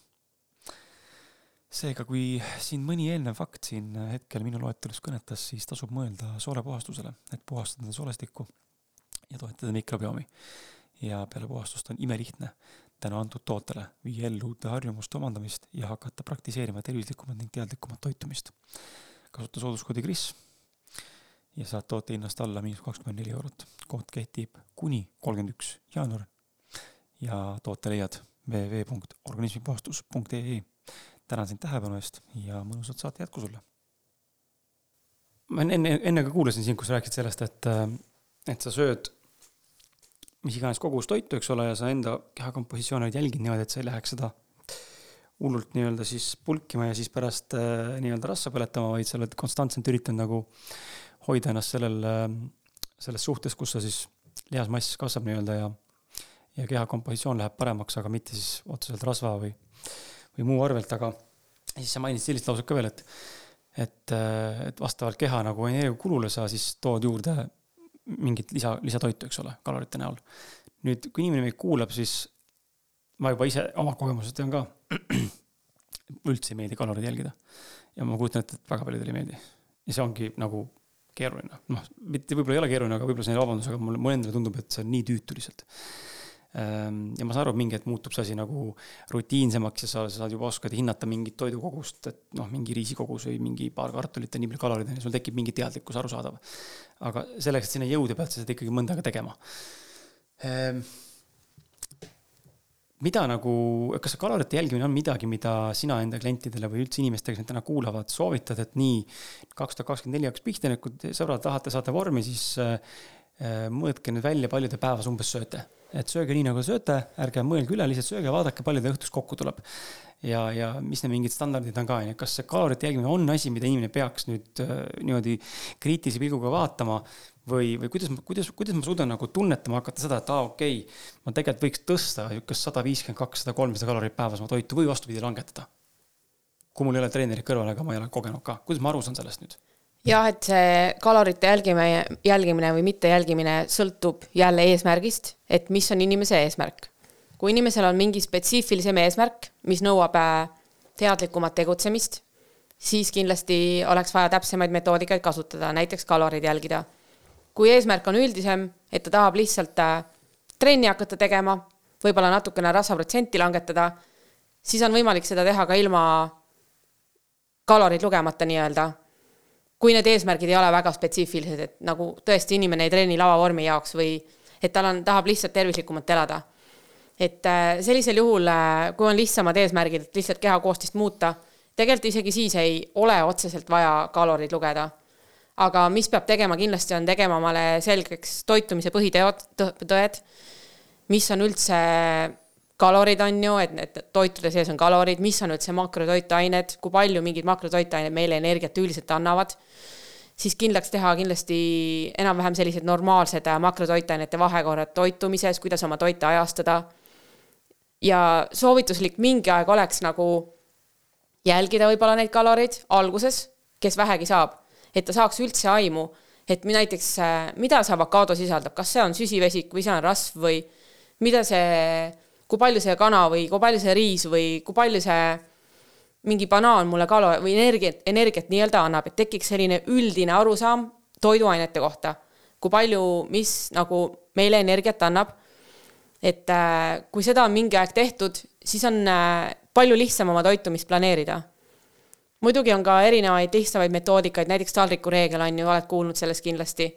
et jäl-, inimene jälgib taldrikureeglit siis on ka portsjonite kontrollid käe nende märkide järgi nii-öelda, seda oled ka võib-olla kuulnud mm. -hmm et äh, need on siis sellised lihtsamad, kes ei taha üldse seda kaloraaži järgida, et lihtsalt jälgib taldrikureeglit, jälgib portsjonite suurust, jälgib äh, enam-vähem, et tal oleksid taldriku peal olemas rasvad, valgud, süsivesikud ja toiduainete valik on ju, et need on need lihtsamad asjad, mis mõjuvad kindlasti, kui inimene ei ole enne mitte midagi teinud. aga kes on juba, ütleme väga heas vormis ja tahab mingit spetsiifilisemat tulemust, et tahab näiteks lihasmassi arendada, kehakoostist muuta ja ta juba toitub üsna tervislikult, siis oleks vaja lihtsalt äh, veel täpsemaks minna, et äh, võib-olla siis sellisel juhul see kalorite lugemine on vajalik. et see oleneb kõik inimesest. paljudel tava, tavalistel, noh, tavalistel inimestel, kes trenni tulevad, mina ka tükk aega, ma ei ole track inud, et äh, kaloreid siis, et kui mul ei olnud mingeid spetsiifilisemaid eesmärke, ma tahtsin lihtsalt lihasmassi arendada, normaalselt trenni teha ma lihtsalt söön tervislikult, jälgin oma portsjonite suurust, järgin oma makrotoitaineid, aga lihtsalt praegu on see, et kuna mul on äh, natukene spetsiifilisemad eesmärgid endal jõusaalis, siis ma pean äh, rohkem rõhku panema ka toitumisele, just selle toitude ajastamise peale, mida mu toit sisaldab ennem või peale trenni. et mul on lihtsam lihtsalt track ida, et see track imine ei tee mu elu mitte keerulisemaks, aga pigem teeb lihtsamaks mm. -hmm. sest kui ma ei track'i, siis mul ei ole aimugi, mida ma söön või kui palju ma söön ja kas ma sain piisavalt palju süsivesikuid ennem trenne näiteks sisse et äh, vahepeal on see, et ma jõuan enne trenni liiga vähe süüa, süsivesikuid just, ja mul ei ole trennis energiat, ma ei suuda maksimaalselt perform ida. ehk siis selle jaoks mul on vaja track ida, et see teeb pigem lihtsamaks mu elu ja ma, paljud mu kliendid on samamoodi, nad just tahavadki track ida, sest see teeb nende elu lihtsamaks. Nad ei pea nii palju muretsema, et pagan, ma sõin seda, et ma ei tea nagu, äkki ma sõin midagi halvasti või et see oleneb inimesest, mis talle teha meeldib, mis ta teha tahab, mis ta eesmärk on, et äh, ei ole sellist ühtset mustvalget äh, lähenemist, et kõik peavad rääkima või kõik, keegi ei pea rääkima või et äh, see sõltub nii palju jälle see personaalne nagu personaaltreener, et mina üritan aru saada, mis on kliendi eesmärk, mida ta on valmis tegema, mida ta ei ole valmis tegema, mis tal on mõttekas teha või ei ole mõttekas teha. ei pea ju rääkima, kui ei ole mingeid siukseid, ma ei tea, väga spetsiifilisi eesmärke. ja kui elutempo on kiire ka, siis see track imine võib-olla muudab ta elu liiga keeruliseks, et vaja on, et see ikkagi sobituks tema elustiiliga samamoodi mm. -hmm sa mainisid äh, treenijärgset, treenieelset toitumist, et äh, huvi pärast tahaks nagu kuulata mõningaid võib-olla siukseid äh, jälle kogemuse pealt sinu, sinu nagu nägemust ja kogemust, eks ole, et äh, mida võiks üks äh, toit või snäkk või, või asi sisaldada siis trennieelse toiduna ja, ja mida, mis on see optimaalne, mida inimene peaks tarbima peale treeningut siis? Ja kui, kui, ma tean, vanasti oli vaata see valgu teema, et äh, eks see on tänaseni see valgu teema on ka üks suur küsimus, tundub, et äh, mõne mõttes mulle, lähen järgmine, juba järgmisesse teemasse, aga püüan need siis vastusega kokku viia, on ju. et äh, mis on enne ja, ja peale trenni toidud, mida sa soovitad. ja nüüd eraldi valgus ka. et ähm, need gramm, X gramm per kehakaal on ju, mida, kuidas seda arvutatakse, need soovitused on nii seinast seina mõnikord. noh, et keegi ütleb sulle seal kolm grammi, keegi ütleb sulle kaks, üks ütleb sulle üldse null koma kaheksa on ju nii-öelda, mis päevas kogusele saada, on et kus, kus sina nagu näed seda, kas see valgu tarbimine on valgu ületarbimine või see on ikkagi selline tõsiselt äh, problemaatiline koht, et inimesed tegelikult tarbivadki liiga vähe valku või on vastupidi see, et tegelikult me tarbime liiga palju valku ja tegelikult seda ei ole nii palju vaja. Äh, natuke võib-olla siia maailmaga hakata vaatama see on jälle selline seinast seina, seina, nagu ma ennem rääkisin, et inimestele meeldib olla must või valge, mhm. et äh, ongi kahte varianti, kas süüakse liiga vähe või süüakse liiga palju, et jälle sellist kuldset keskteed on pigem vähe ja sama süsivesikutega näiteks. paljud, kes tulevad trenni ja tahavad vormi saada, hakkavad mingi, mingil põhjusel süsivesikuid vältima mm. -hmm. et äh, jällegi seinast seina, kas süüakse liiga vähe või süüakse liiga palju. et sellist äh, üldist jälle ei ole, et ja sa ütlesid ka ennem, et soovitused on nii erinevad, et äh, tõesti ongi, et see jällegist, meie kehad on nii erinevad, meie kehad vajavad väga erinevat energiat. ja samas on ka, ma arvan, et meie kehad selles mõttes erinevad, et mõnele sobibki natukene süsivesikurikkam toit, et kas meeldimise mõttes või võib-olla kehal on kuidagi kergem, on ju. mõnele sobib ja meeldib vähem süsivesikurikas toit, mis ei tähenda, et need süsivesikuid peaks ära võtma, et kindlasti mitte, nad annavad meile trenniks energiat, aga aga jah, sellised äh, üldised soovitused, mida ennem trenni süüa, et äh, see on jällegi sõltub, on ju, nagu kõik sõltub. et äh, kui kaua ennem sa ennem trenni sööd.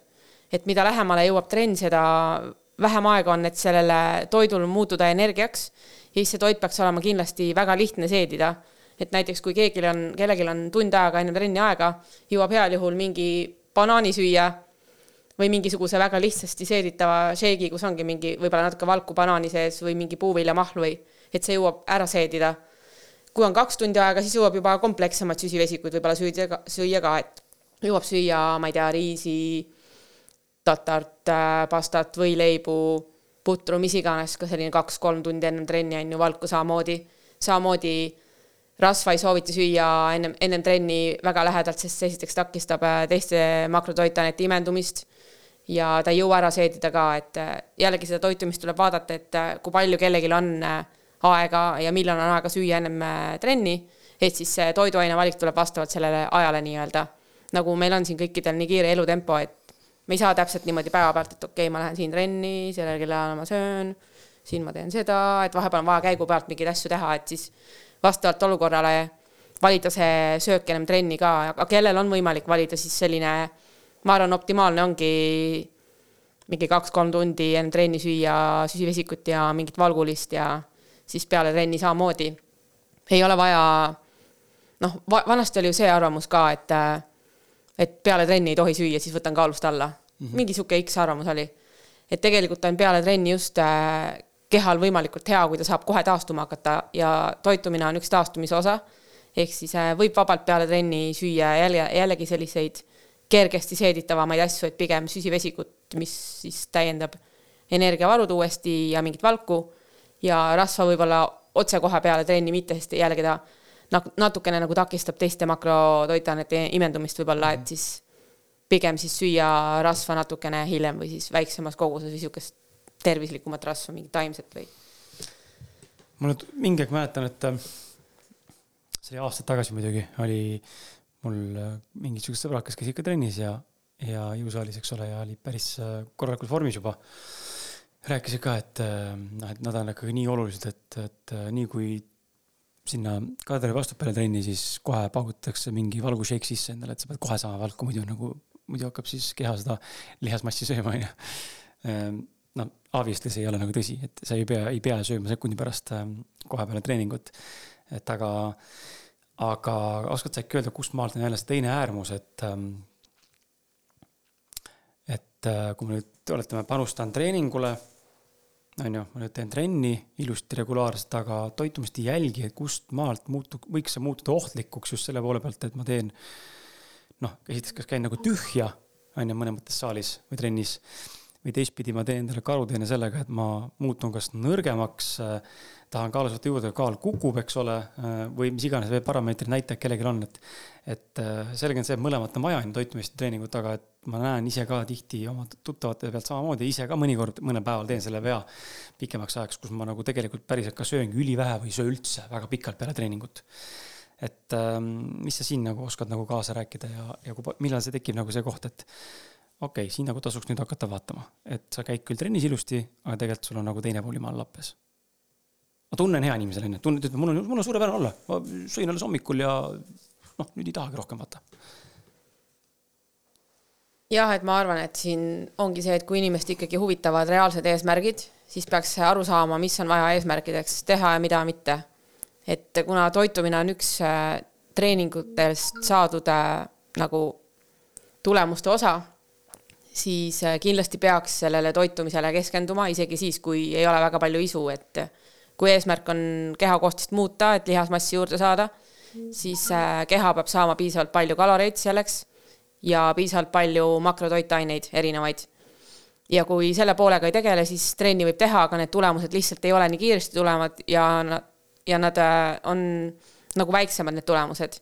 et sa ei saa maksimaalset äh, tulemust treeningust, kuna sa ei anna oma kehale energiat, kütust ja ehitusmaterjali peale, millest siis saab äh, lihasmass tekkida.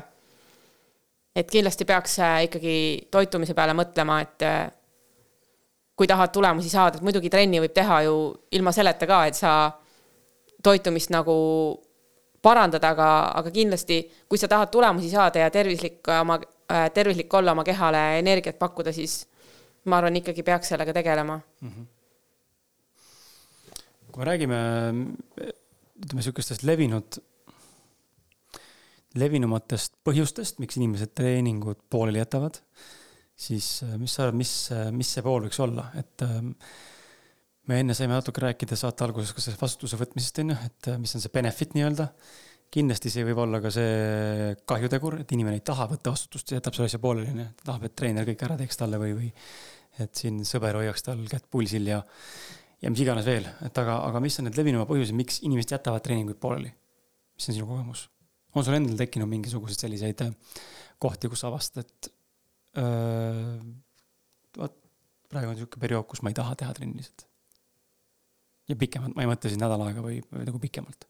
mul endal ei ole seda olnud, sest et äh, ma üritan enda vastu kogu aeg hästi aus olla, et miks ma üldse midagi teen mm, -hmm. et kui mul on mingid eesmärgid, siis äh, võib-olla võib asi lihtsalt olla selles, et need eesmärgid on valed, on ju, et liiga kõrged eesmärgid või et ma ikkagi alustan sellest, et äh, trenn on hea minu kehale ja minu samamoodi vaimses mõttes ka et äh, trenn teeb mulle head, lihtsalt kui mul on tunne, et ma ei tahaks võib-olla mingite eesmärkide suunas push ida, siis ma võtan eesmärgid madalamaks lihtsalt, aga ma teeksin ikkagi trenni.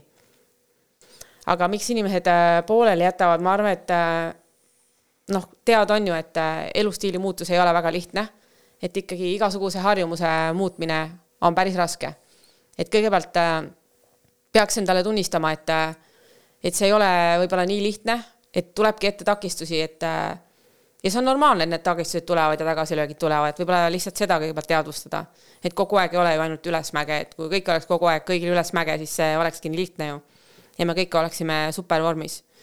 et teadvustada, et need äh, takistused äh, ja motivatsioonilangused tulevad, aga proovida siis nendest kuidagi üle olla. et äh, ma arvan, et kõige see olulisem ongi, miks inimesed jätavad pooleli, üks, üks olulisematest punktidest see, et ei ole õigeid eesmärke, ei ole nagu inimese jaoks äh, tõesti tähenduslikke eesmärke, ei ole läbi mõeldud, miks ta seda teeb, miks ta päriselt seda teha tahab. ja võib-olla ka ebarealistlikud eesmärgid, et äh, tahetakse liiga kiireid tulemusi, käiakse trennis, tulemusi kohe ei näe, motivatsioon käib alla, okei okay,, lihtsam on alla anda mm. -hmm. et vähe sellist üldist teadvustamist treeningutega alustamisel, et esiteks see võtab aega see nõuab elus, elustiilis või mi, millegi muutmist, mis ma igapäevaselt teen. ja teiseks siis äh, tõesti nagu endale olulised eesmärgid tuleks paika panna, et miks sa seda päriselt teed. miks ma teen seda? kas sellepärast, et nagu kellelegi meeldida või sellepärast, et äh, ma ei tea, sotsiaalne surve, et tahan paremas vormis olla. või midagi tõestada. midagi tõestada, et äh, need eesmärgid peavad tulema enda seest, et ma tahan oma kehale head ma tahan äh, liikuda, ma tahan tunda ennast oma kehas hästi, ma tahan oma kehakoostist muuta, ma tahan üldse ennast paremini tunda. mõnel tõesti on välimuse eesmärk ka ja mis on väga okei okay,, meil võivad ju olla välimuse eesmärgid, et me tahame paremat välja näha, kes ei tahaks parem välja näha, aga lihtsalt jällegi, sa tahad parem välja näha nagu, see ongi ju tugev eesmärk, aga siis jällegi realistlik on ju, et mis on selleks vaja teha, panna paika tegevusplaan, tihtipeale inimestel ei ole seda tegevusplaani, ei ole aru saama, kuidas see siis täpsemalt käib.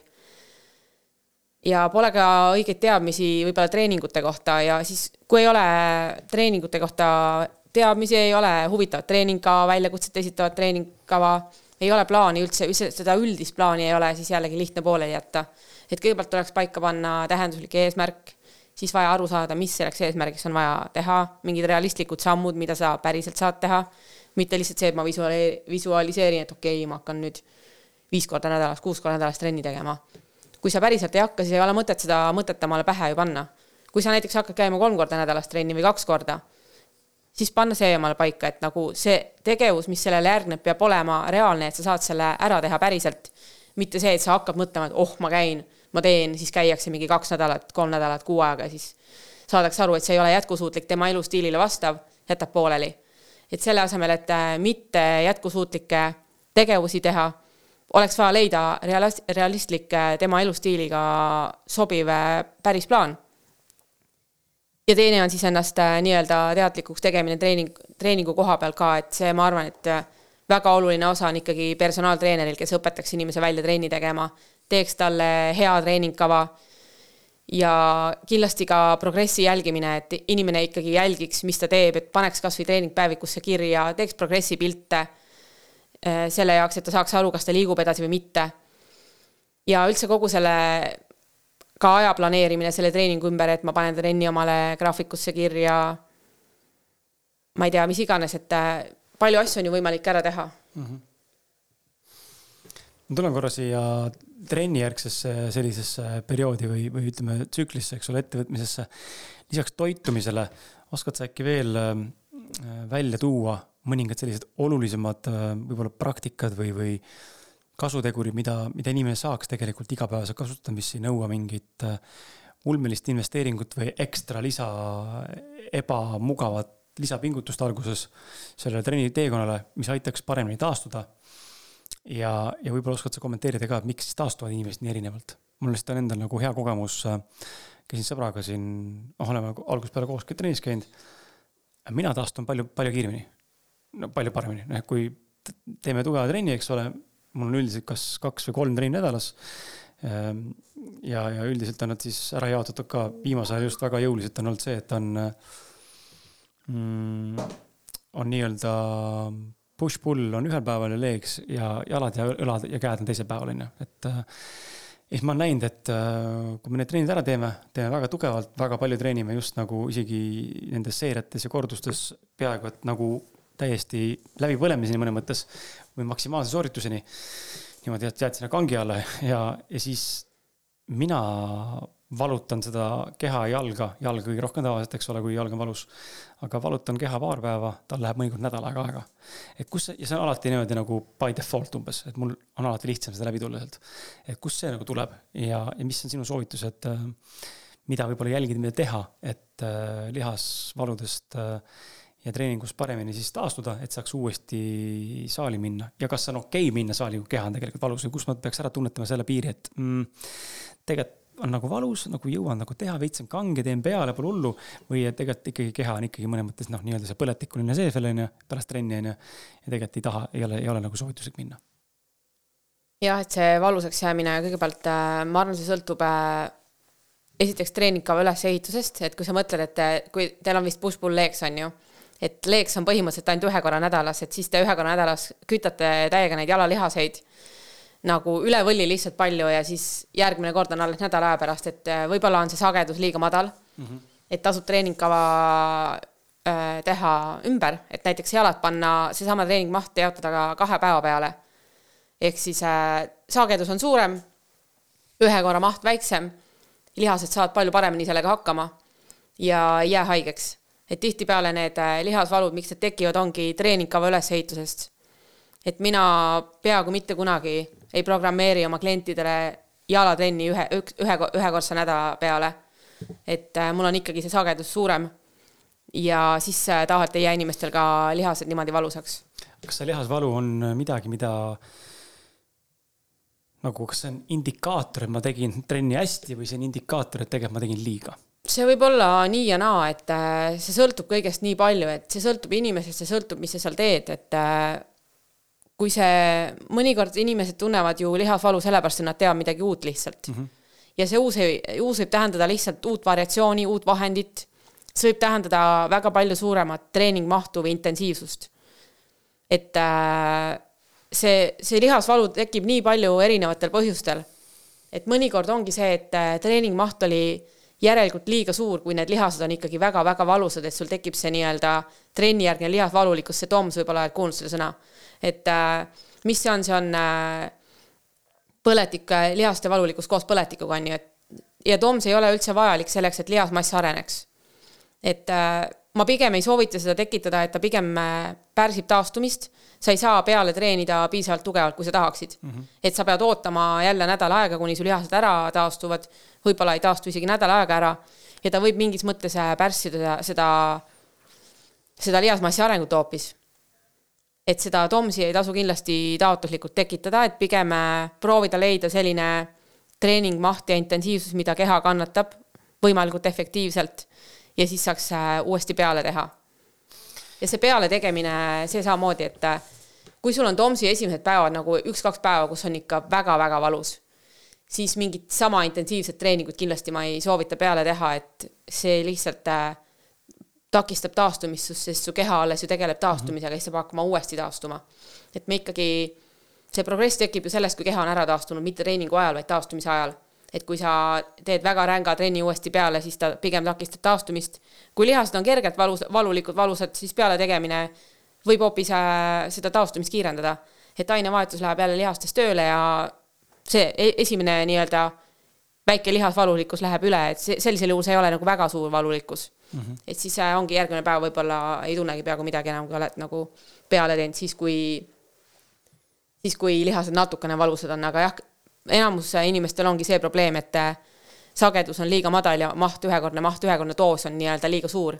ja see ei ole tegelikult kõige optimaalsem, sest et äh, sa oled niikuinii viimasteks harjutusteks juba täiega väsinud ja siis selle konkreetse harjutuse treening nii-öelda maht läheb alla, ehk siis äh, raskuskorda, kordusintensiivsus.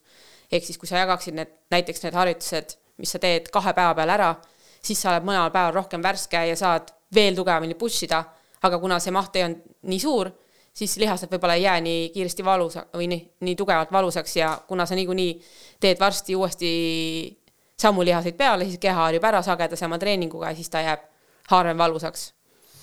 See on, äh, vist on see, mida ma praegu kogen, et me äh, tegime, noh, sõbral, sõbrast tulenevalt tuli see otsus, eks ole, meil alguses oli see push-pull legs äh, nii-öelda split, aga siis me tegime kahe päeva splitile, ehk siis ongi äh, üla, terve ülakeha ja terve alakeha, alakeha juurde tulevad siis käed, on ju, eraldi fookusena, kuigi ülakeha treeningus nii lükke kui tõmbeharjutuste juures saavad ka biitseps, triitseps ja õlad vatti, eks ole, aga, aga fookusena siis nii-öelda isoleeritud harjutused tõime jalgadele juurde.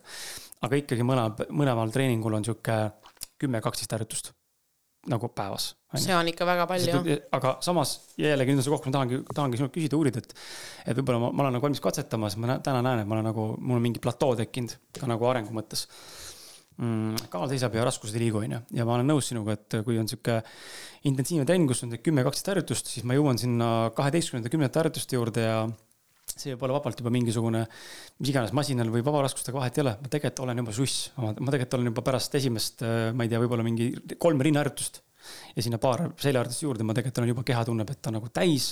tegelikult ma olen väsinud, onju.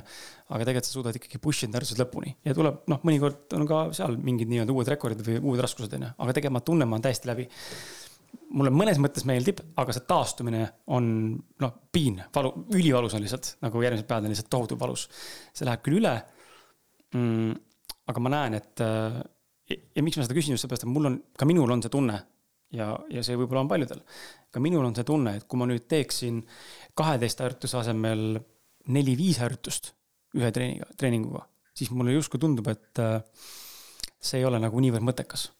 on ju, et see nagu tundub, et ma ei, ma ei panusta nagu piisavalt või et lihas ei saa piisavalt palju koormust ja ma käin lihtsalt tühja nühkimas seal mina olen võtnud seda sellist nagu läbiolemist niimoodi, et ma enam-vähem rooman koju onju, viskan pikali, olen täiesti sült. Mulle see tunne hullult meeldib, see väsimustunne. ja see valu järgmistel päevadel on indikaator olnud selleks, et okei okay,, ma pingutasin päriselt. aga samas ma näen, et nüüd mul on tekkinud mingi platoo, noh, nii raskustega kui ka korduste ja settidena, on ju. et sinu soovitus oleks siis see tõesti, et kui mul on kahepäevane split praegu, ülakeha tõmmelüke, teisel on jalad ja käed, siis peaks need ära näiteks splittima neljale päevale või? et äh, treening äh, kava ja treening maht, intensiivsus peaks olema ka personaalne, et võib-olla see treeningkava ei ole sinu kehale kõige optimaalsem siis just selle mahu ja intensiivsuse mõttes. et äh, ma soovitan siis äh, jällegi katsetada, et võib-olla proovida oma treeningkava ümber teha. et tõesti mingi kaksteist, äh, neliteist harjutust, see on ühe treeningu kohta liiga palju. see tõesti, see on liiga palju, see, see on selline mõttetu tegemine juba, kus sul tegelikult ei ole energiat enam. et mina soovitan valida vähem harjutusi ja teha neid korraliku intensiivsusega. Ja siis nendega proovida push ida kogu aeg edasi et raskemalt või rohkem äh, korduseid või noh, mis sul see eesmärk on, on ju, kas jõudu arendada või lihasmassi. et siis äh, pigem valida efektiivsed harjutused ja neid push ida. minul näiteks äh, mõnikord jalapäeva harjutuses on kolm harjutust. aga ma teenin, treen, treenin jalgu kaks korda nädalas ja siis ülejäänud harjutused mul on teises päevas, aga ma saan nagu need kolm harjutust, üks on siis kükk on ju kangiga mida ma teengi, ma teen soojendusseeriaid ette, mis võtavad oma aja ja oma energia tegelikult mingis mõttes. siis ma teen tööseeriaid mitu tükki, mis võtavad aega, sest need on suure raskusega. ja siis, äh, kui mul need on juba tehtud, siis mul on juba päris palju sette kükki tehtud tegelikult. ja siis ma võtan alles uue harjutuse. et See... Äh, mida on ka mitu, mitu seeriat, et mõnikord mul ongi, kükki on äh, rohkem kui kolm seeriat, sest et soojendusseeriad ka ja tööseeriad kokku. ehk siis ma teen võib-olla mõnes trennis juba mingi, ma ei tea, kaheksa seeriat kükki siis sinna kindlasti ei mahu mingisugust äh, neljateistkümmet harjutust enam, et pigem tasub äh, mõelda sellena, sellega, et valida välja need efektiivsemad harjutused ja nendesse panna kogu panus ja energia mm. -hmm. ma olen jalgade puhul näinud, et mul on sihuke viis-kuus harjutust, aga, aga mõne, mõnel päeval tunnen, et need, ka need on palju, ma nagu ei jaksa sellist teha. et noh, ma alustan ka nagu nendest raskest harjutustest, eks ole, kükk või jalapress ja siis ma tunnen ka, et pärast neid kahte nagu tegelikult juba oled nagu täitsa suss, noh suss. jalad on siuksed pakud all on ju, värised seal on ju. aga samas olen ikkagi teinud mingeid isoleerivaid asju nagu otsa. aga, aga vot ma ei tea, ma peaks võib-olla katsetama jah, võib-olla ma peaks tõesti katsetama, lükkama seda äh, rohkemate nagu nii-öelda siis treeningute peale laiali. et äh, ma lihtsalt ise täna tunnen, mis on hästi huvitav, ongi see, et ma tunnen seda, et ma käin võib-olla see sinu jutus on iva, see kaks korda nädalas, mis ma täna käin, eks ole, nii-öelda, kus on siis ära jaotatud äh, kahe kahepäevaline treeningud, terve keha, tunnen, et see on vähe. just selles mõttes vähe, et ma nagu tegelikult tahaks nagu kordade mõttes nagu rohkem käia saalis. aga ma kindlasti ei tahaks teha nagu kordade mõttes, et ma teen nüüd kolm-neli päeva, kus mul on kümme, kaksteist harjutust per trenn, noh, seda ma teha ei taha, on ju. et äh, ma saan aru, kui ma käin, ma ei tea, nädalas korra teen full body, siis ma saan aru, ma teen võib-olla rohkem, eks ole, aga ma näen, mulle, mulle see ei meeldi, ma tahaks nagu rohkem käia. et võib-olla ma peaks siis äh,, see on nõu kuulda, et ma proovima teha nagu rohkem päevasid ja, ja nii-öelda siis ähm, vähem harjutusi, aga nüüd tekib jälle inimesel võib-olla küsimus, on ju, kes meid kuulab siin ja, ja kaasa mõtleb, et aga kust ma tean, mida siis nagu valida, on ju.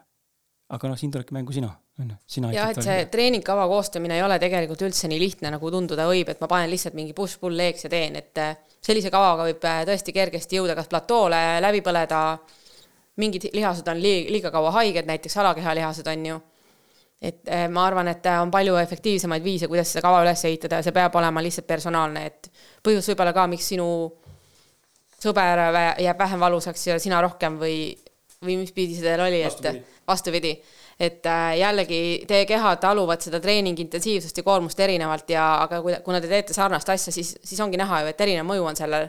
et äh, me võime panna ju kõiki inimesi sama asja tegema, aga kõikidel on täiesti erinev mõju, et mõni, mõni kaotab lihast hoopis, mõni saab lihast juurde mõnel on liiga vähe treeningkoormust, mõnel on liiga palju treeningkoormust.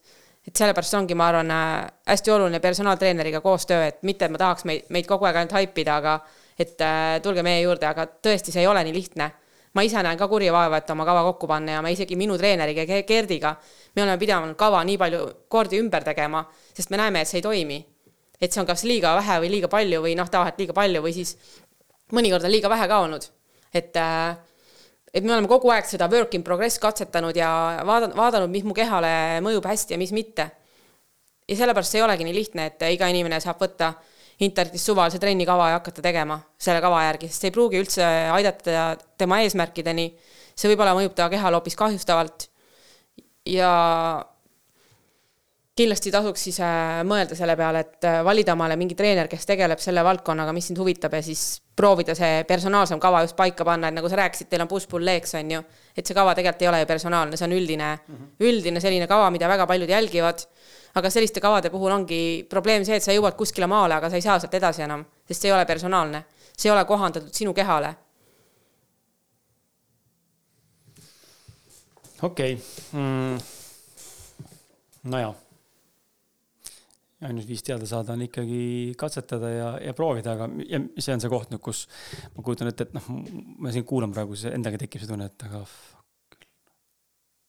ei viitsi, ei viitsi katsetada ega otsida seda, ma tahaks nagu, ma tahaks teha seda ühte asja ja siis vahepeal võib-olla mingi paari kuu tagant switch ida mingeid harjutusi, onju. ja mida ma nagunii switch in ka, eks ole, mõnikord, aga, aga et kurat, see pidev katsetamine ja siis püüa nüüd aru saada ka veel võib-olla nagu mitte kõige teadlikuma inimesena noh, ma ei räägi iseendast, vaid ka, kes meid kuulab, võib-olla on ju potentsiaalse uue kliendina või uue, uue nii-öelda treeningu huvilisena. et aru saada nüüd sellest, et kas see nüüd töötab või ei tööta, on ju, ja kuidas ma üldse mõõdan seda, mis parameetrite alusel, on ju.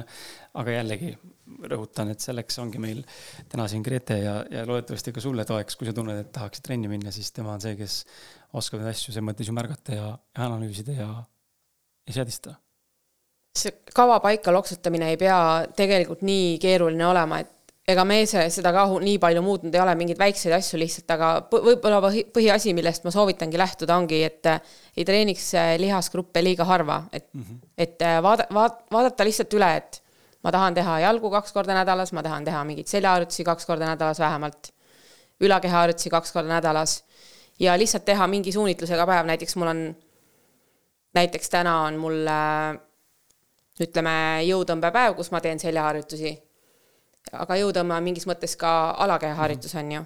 ja siis teisel päeval ma siis näiteks teen, ma ei tea, kükki või jalapressi või mingit seda liigutust ja ülejäänud jalaharjutused ja juba ongi tegelikult jalad mingis mõttes kahe päeva peale jaotatud, et jõutõmme on ju ka alakehaharjutus, mitte ülakeha. ja siis äh, ülejäänud päevadel olenevalt, mitu korda inimene päev, nädalas trennis käib, vaadata, kuidas jagada see rind, selg ja tähendab, selg juba ühe korra oli, on ju, kuidas siis teise, teise päeva peale panna, et võib-olla näiteks rind selga, siis kolmandal päeval on mingi ülakeha veel eraldi. et äh, saab mängida ja katsetada ja see sõltubki just inimesest, et teinekord piisab ka ühe korra, kui sa paned hea sagedusega ja intensiivsusega, mahuga kava paika, siis sa ei peagi seda enam muutma, et tõesti inimesel, kes äh, ei ole seda treeninguteadust õppinud, siis tema peab tõesti katsetama ja ma ei tea, mõttetult palju selle peale aega kulutama, aga treeneriga saad äh, ühe-kahe korraga kava paika, hakkad arengut jälgima, et, äh, et sa küsisid ka, et kust ma saan aru, kas ma saan äh, arengut või mitte, et treeningpäevik on selleks väga ideaalne, et ma tean, paljud ei viitsi seda täita, aga see teeb tegelikult elu lihtsamaks, et ma lihtsalt panen kirja, mis ma tegin, siis ma juba järgmine kord tean. et treeningpäeviku järgi sa saad, saadki aru, et kas sa arened edasi või mitte, et kas sul raskused, kordused muutuvad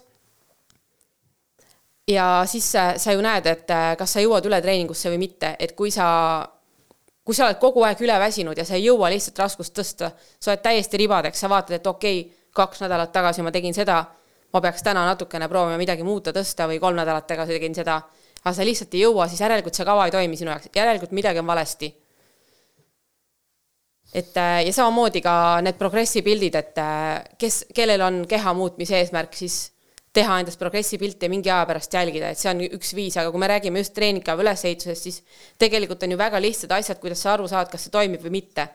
et kui sa, kui sa oled kogu aeg megaväsinud ja sa ei jõua raskustega liikuda, siis järelikult see kava ei ole hea mm. -hmm. järelikult tasub midagi muuta aga, või, või on elustiilis midagi sellist? jah, elustiilis võib ka olla samamoodi, et võib-olla ei ole toitumine paigas, ei ole toitude ajastamine trenniga seoses paigas, et näiteks kui keegi treenib äh, hommikul väga vara, siis ei ole jõudnud äh, piisavalt süüa või eelmisel päeval ei söönud piisavalt või noh, tegelikult siin ei ole vahet isegi, kogu see toitumine on ju nagu tervikpilt, et äh, mis sa eelmine päev tegid, mis sa samal päeval tegid, mis sa samal, mis sa samal päeval kavatsed nagu edasi teha, et toitumine üle vaadata, magamine kindlasti üle vaadata, et see võib olla elustiili faktor, et ma räägin, see see treeni teema ongi teadus tegelikult ju, see ei olegi nii lihtne, et äh, hakkame lihtsalt kõik tegema ja me kõik teame, mis me teeme, et ma ei tea, keha on järelikult, äh, keha töötab järelikult, lihtsalt hakkan tegema. et selle jaoks ongi inimesed, kes on see, selle väljaõppe äh, läbinud ja kes on kurja vaeva näinud, et aru saada, kuidas see siis ikkagi mm toimub ja omavad ka kogemust erinevate inimestega, et see kogemus on ka tegelikult oluline, sest meil kõigil on erinevad kehad. Ja meie ülesanne ongi ju inimese jaoks äh, panna paika see optimaalne treeningkava ja, ja toitumise soovitused ja elustiili soovitused. et siin sellepärast siis ma ei saagi väga spetsiifilisi vastuseid anda, et meie kõikide kehad on nii erinevad ja aru saada on vaja, et mis siis toimub tegelikult. see trennipäevik, mina olen seda nüüd poolteist aastat teinud, ülihea on näha äh, on kõik harjutused äh, õigete nendel noh, nii-öelda nendel päevadel kirjas, eks ole, ja, ja nimetused ja, ja kordused ja, ja seeriad nii-öelda onju. ja siis ma täna saan nagu nii kihvtit näha, raskused ka onju, mis ma olen teinud, on nagu näha kihvt, et esi, mul on alati kirjas esimene see on alati alles jäänud ja siis vahepeal, kui tekib liiga palju, ma kustutan vahepealt ära, jätan viimase treeningu alles nii-öelda mm. -hmm. ma kõiki nagu alles ei jäta, sest muidu läheb liiga kirjuks, ma ei saa üldse aru, kus ma olen. siis mul on alati sihuke esimene ja viimased kaks-kolm treeningut. ja enamus harjutustes ma näen, kuidas raskused on nagu tõusnud, mis on nagu iseenesest tore, aga mingite harjutustega on platood. Noh, ma näen, et nagu ei liigu üldse, noh, rinnalt surumine, kükk näiteks, üliraskelt lähevad ülesse. no nii raskelt, et ma mõtlen, et see ei ole nagu reaalne, kõik muud nagu justkui nagu jooksevad eest ära, aga need kaks lihtsalt ei liigu. samas noh, vaatad keha kompositsiooni või, või enda jalgu või mingit lihaskontuuri enda jaoks, mis tundub keha just nimelt see, see, see nii-öelda pilt, eks, mis peeglist näed, pilt, endast pilti teed nii-öelda, progressiooni pildid nii-öelda, siis nagu näed, et okei okay,, tegelikult nagu midagi on muutunud. aga see on nagu hullult drastiline, võib-olla mitte nii suur, kui oleks tegelikult lootnud. Aga ikkagi midagi näed, et see mõnes mõttes need, need on head mõttemaailmad, mis sa kaasa andsid, need annavad kindluse ja annavad sellise kinnituse, et okei okay,, ma ju näen siin numbrites, et tegelikult on läinud paremaks tegelikult on okei okay. ja oleks saanud kindlasti veel paremaks minna, kui ma oleks võib-olla teinud optimaalsemalt söönud ja teinud toda viiendat, aga tegelikult nagu mis mõnes mõttes nagu on töötanud. noh, mul, mind on nagu see väga aidanud samamoodi.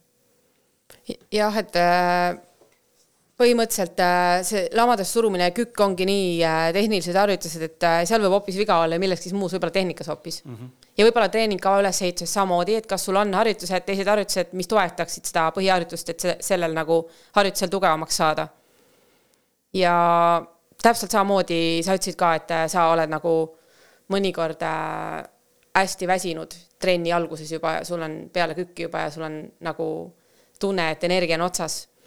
Siis äh, oluline on ka see, et milline su treeningi intensiivsus on, on ju vastavalt eesmärgile, et võib-olla sa push isidki kükiga liiga punasesse mm. -hmm. et äh, ma ei soovita, kui sa ei ole just jõutõstja, siis äh, esimese harjutusena kohe suutlikkuseni treenida, eriti küki puhul, mis on baasharjutus.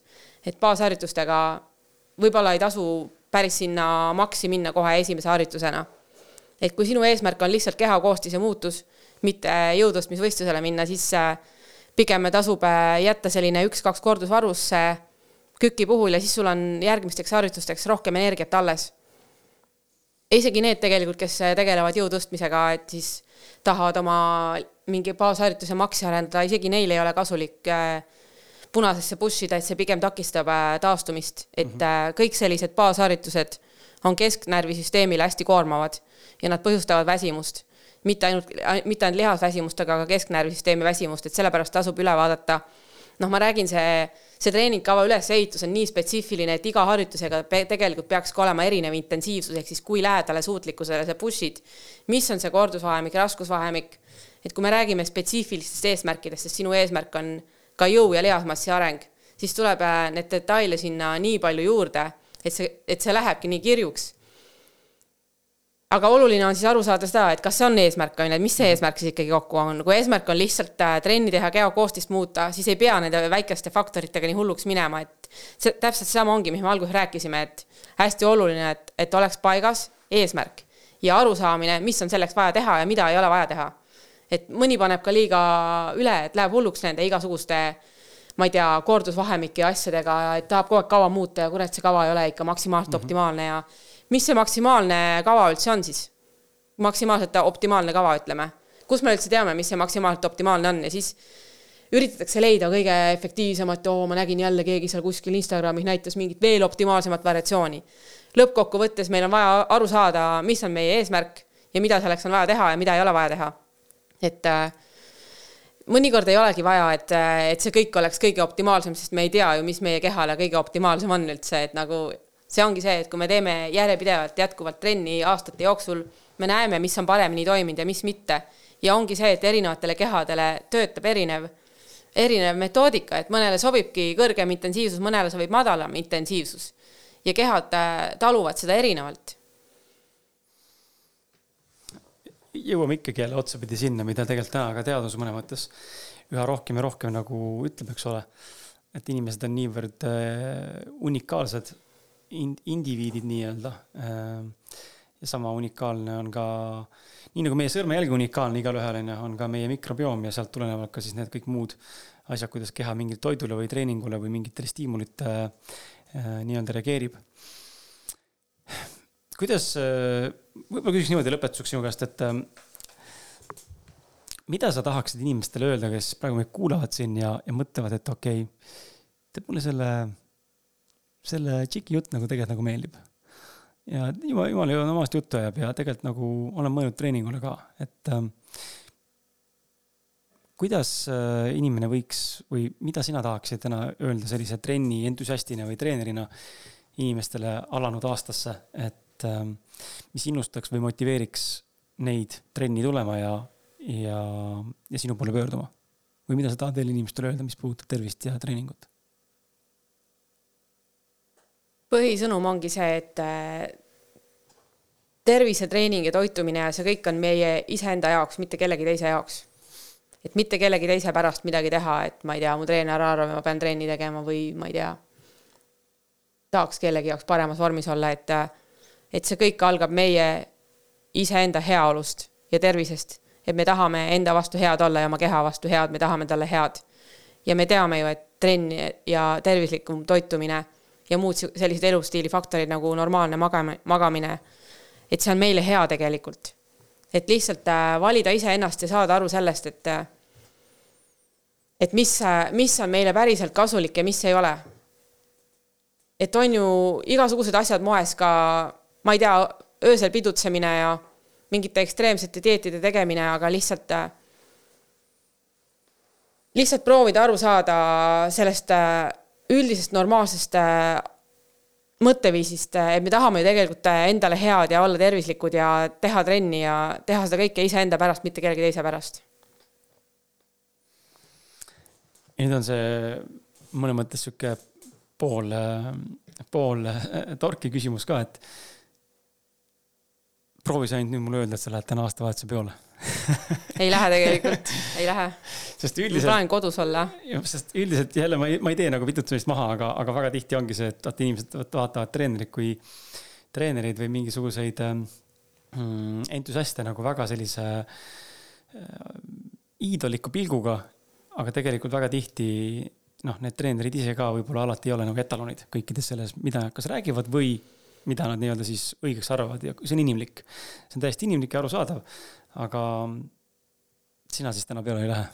ma arvan, et see sõltub jälle inimesest, nagu, nagu me räägime, et kõik jälle sõltub, mis kellelegi teha meeldib, et pidutsemises ei ole ka midagi halba, et ma lihtsalt olen selline inimene, mulle meeldib äh, rahulikult olla omade keskel, veeta rahulikku aega, et äh, ma ei ole selline inimene, kes hullult ringi pidutseks mm. -hmm. et see sõltub lihtsalt inimesest.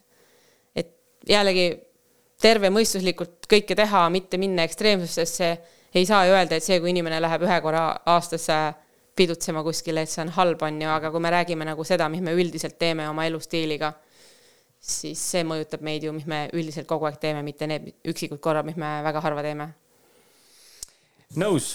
Ehm, kus sind leida võib, kui nüüd täna keegi siin selle jutu peale tunneb, et okei okay,, ma tahaks tulla ja vaadata, millega, millega sa tütarlaps tegeled, kus sa toimetad ja kus sind leida võib? Golden Clubis personaaltreenerina. Eh, goldenclub.ee jah, nende veebilehe peal on olemas meie treenerite list ja meil on ka teisi väga palju häid personaaltreenereid, kelle poole ma kindlasti soovitan pöörduda, et.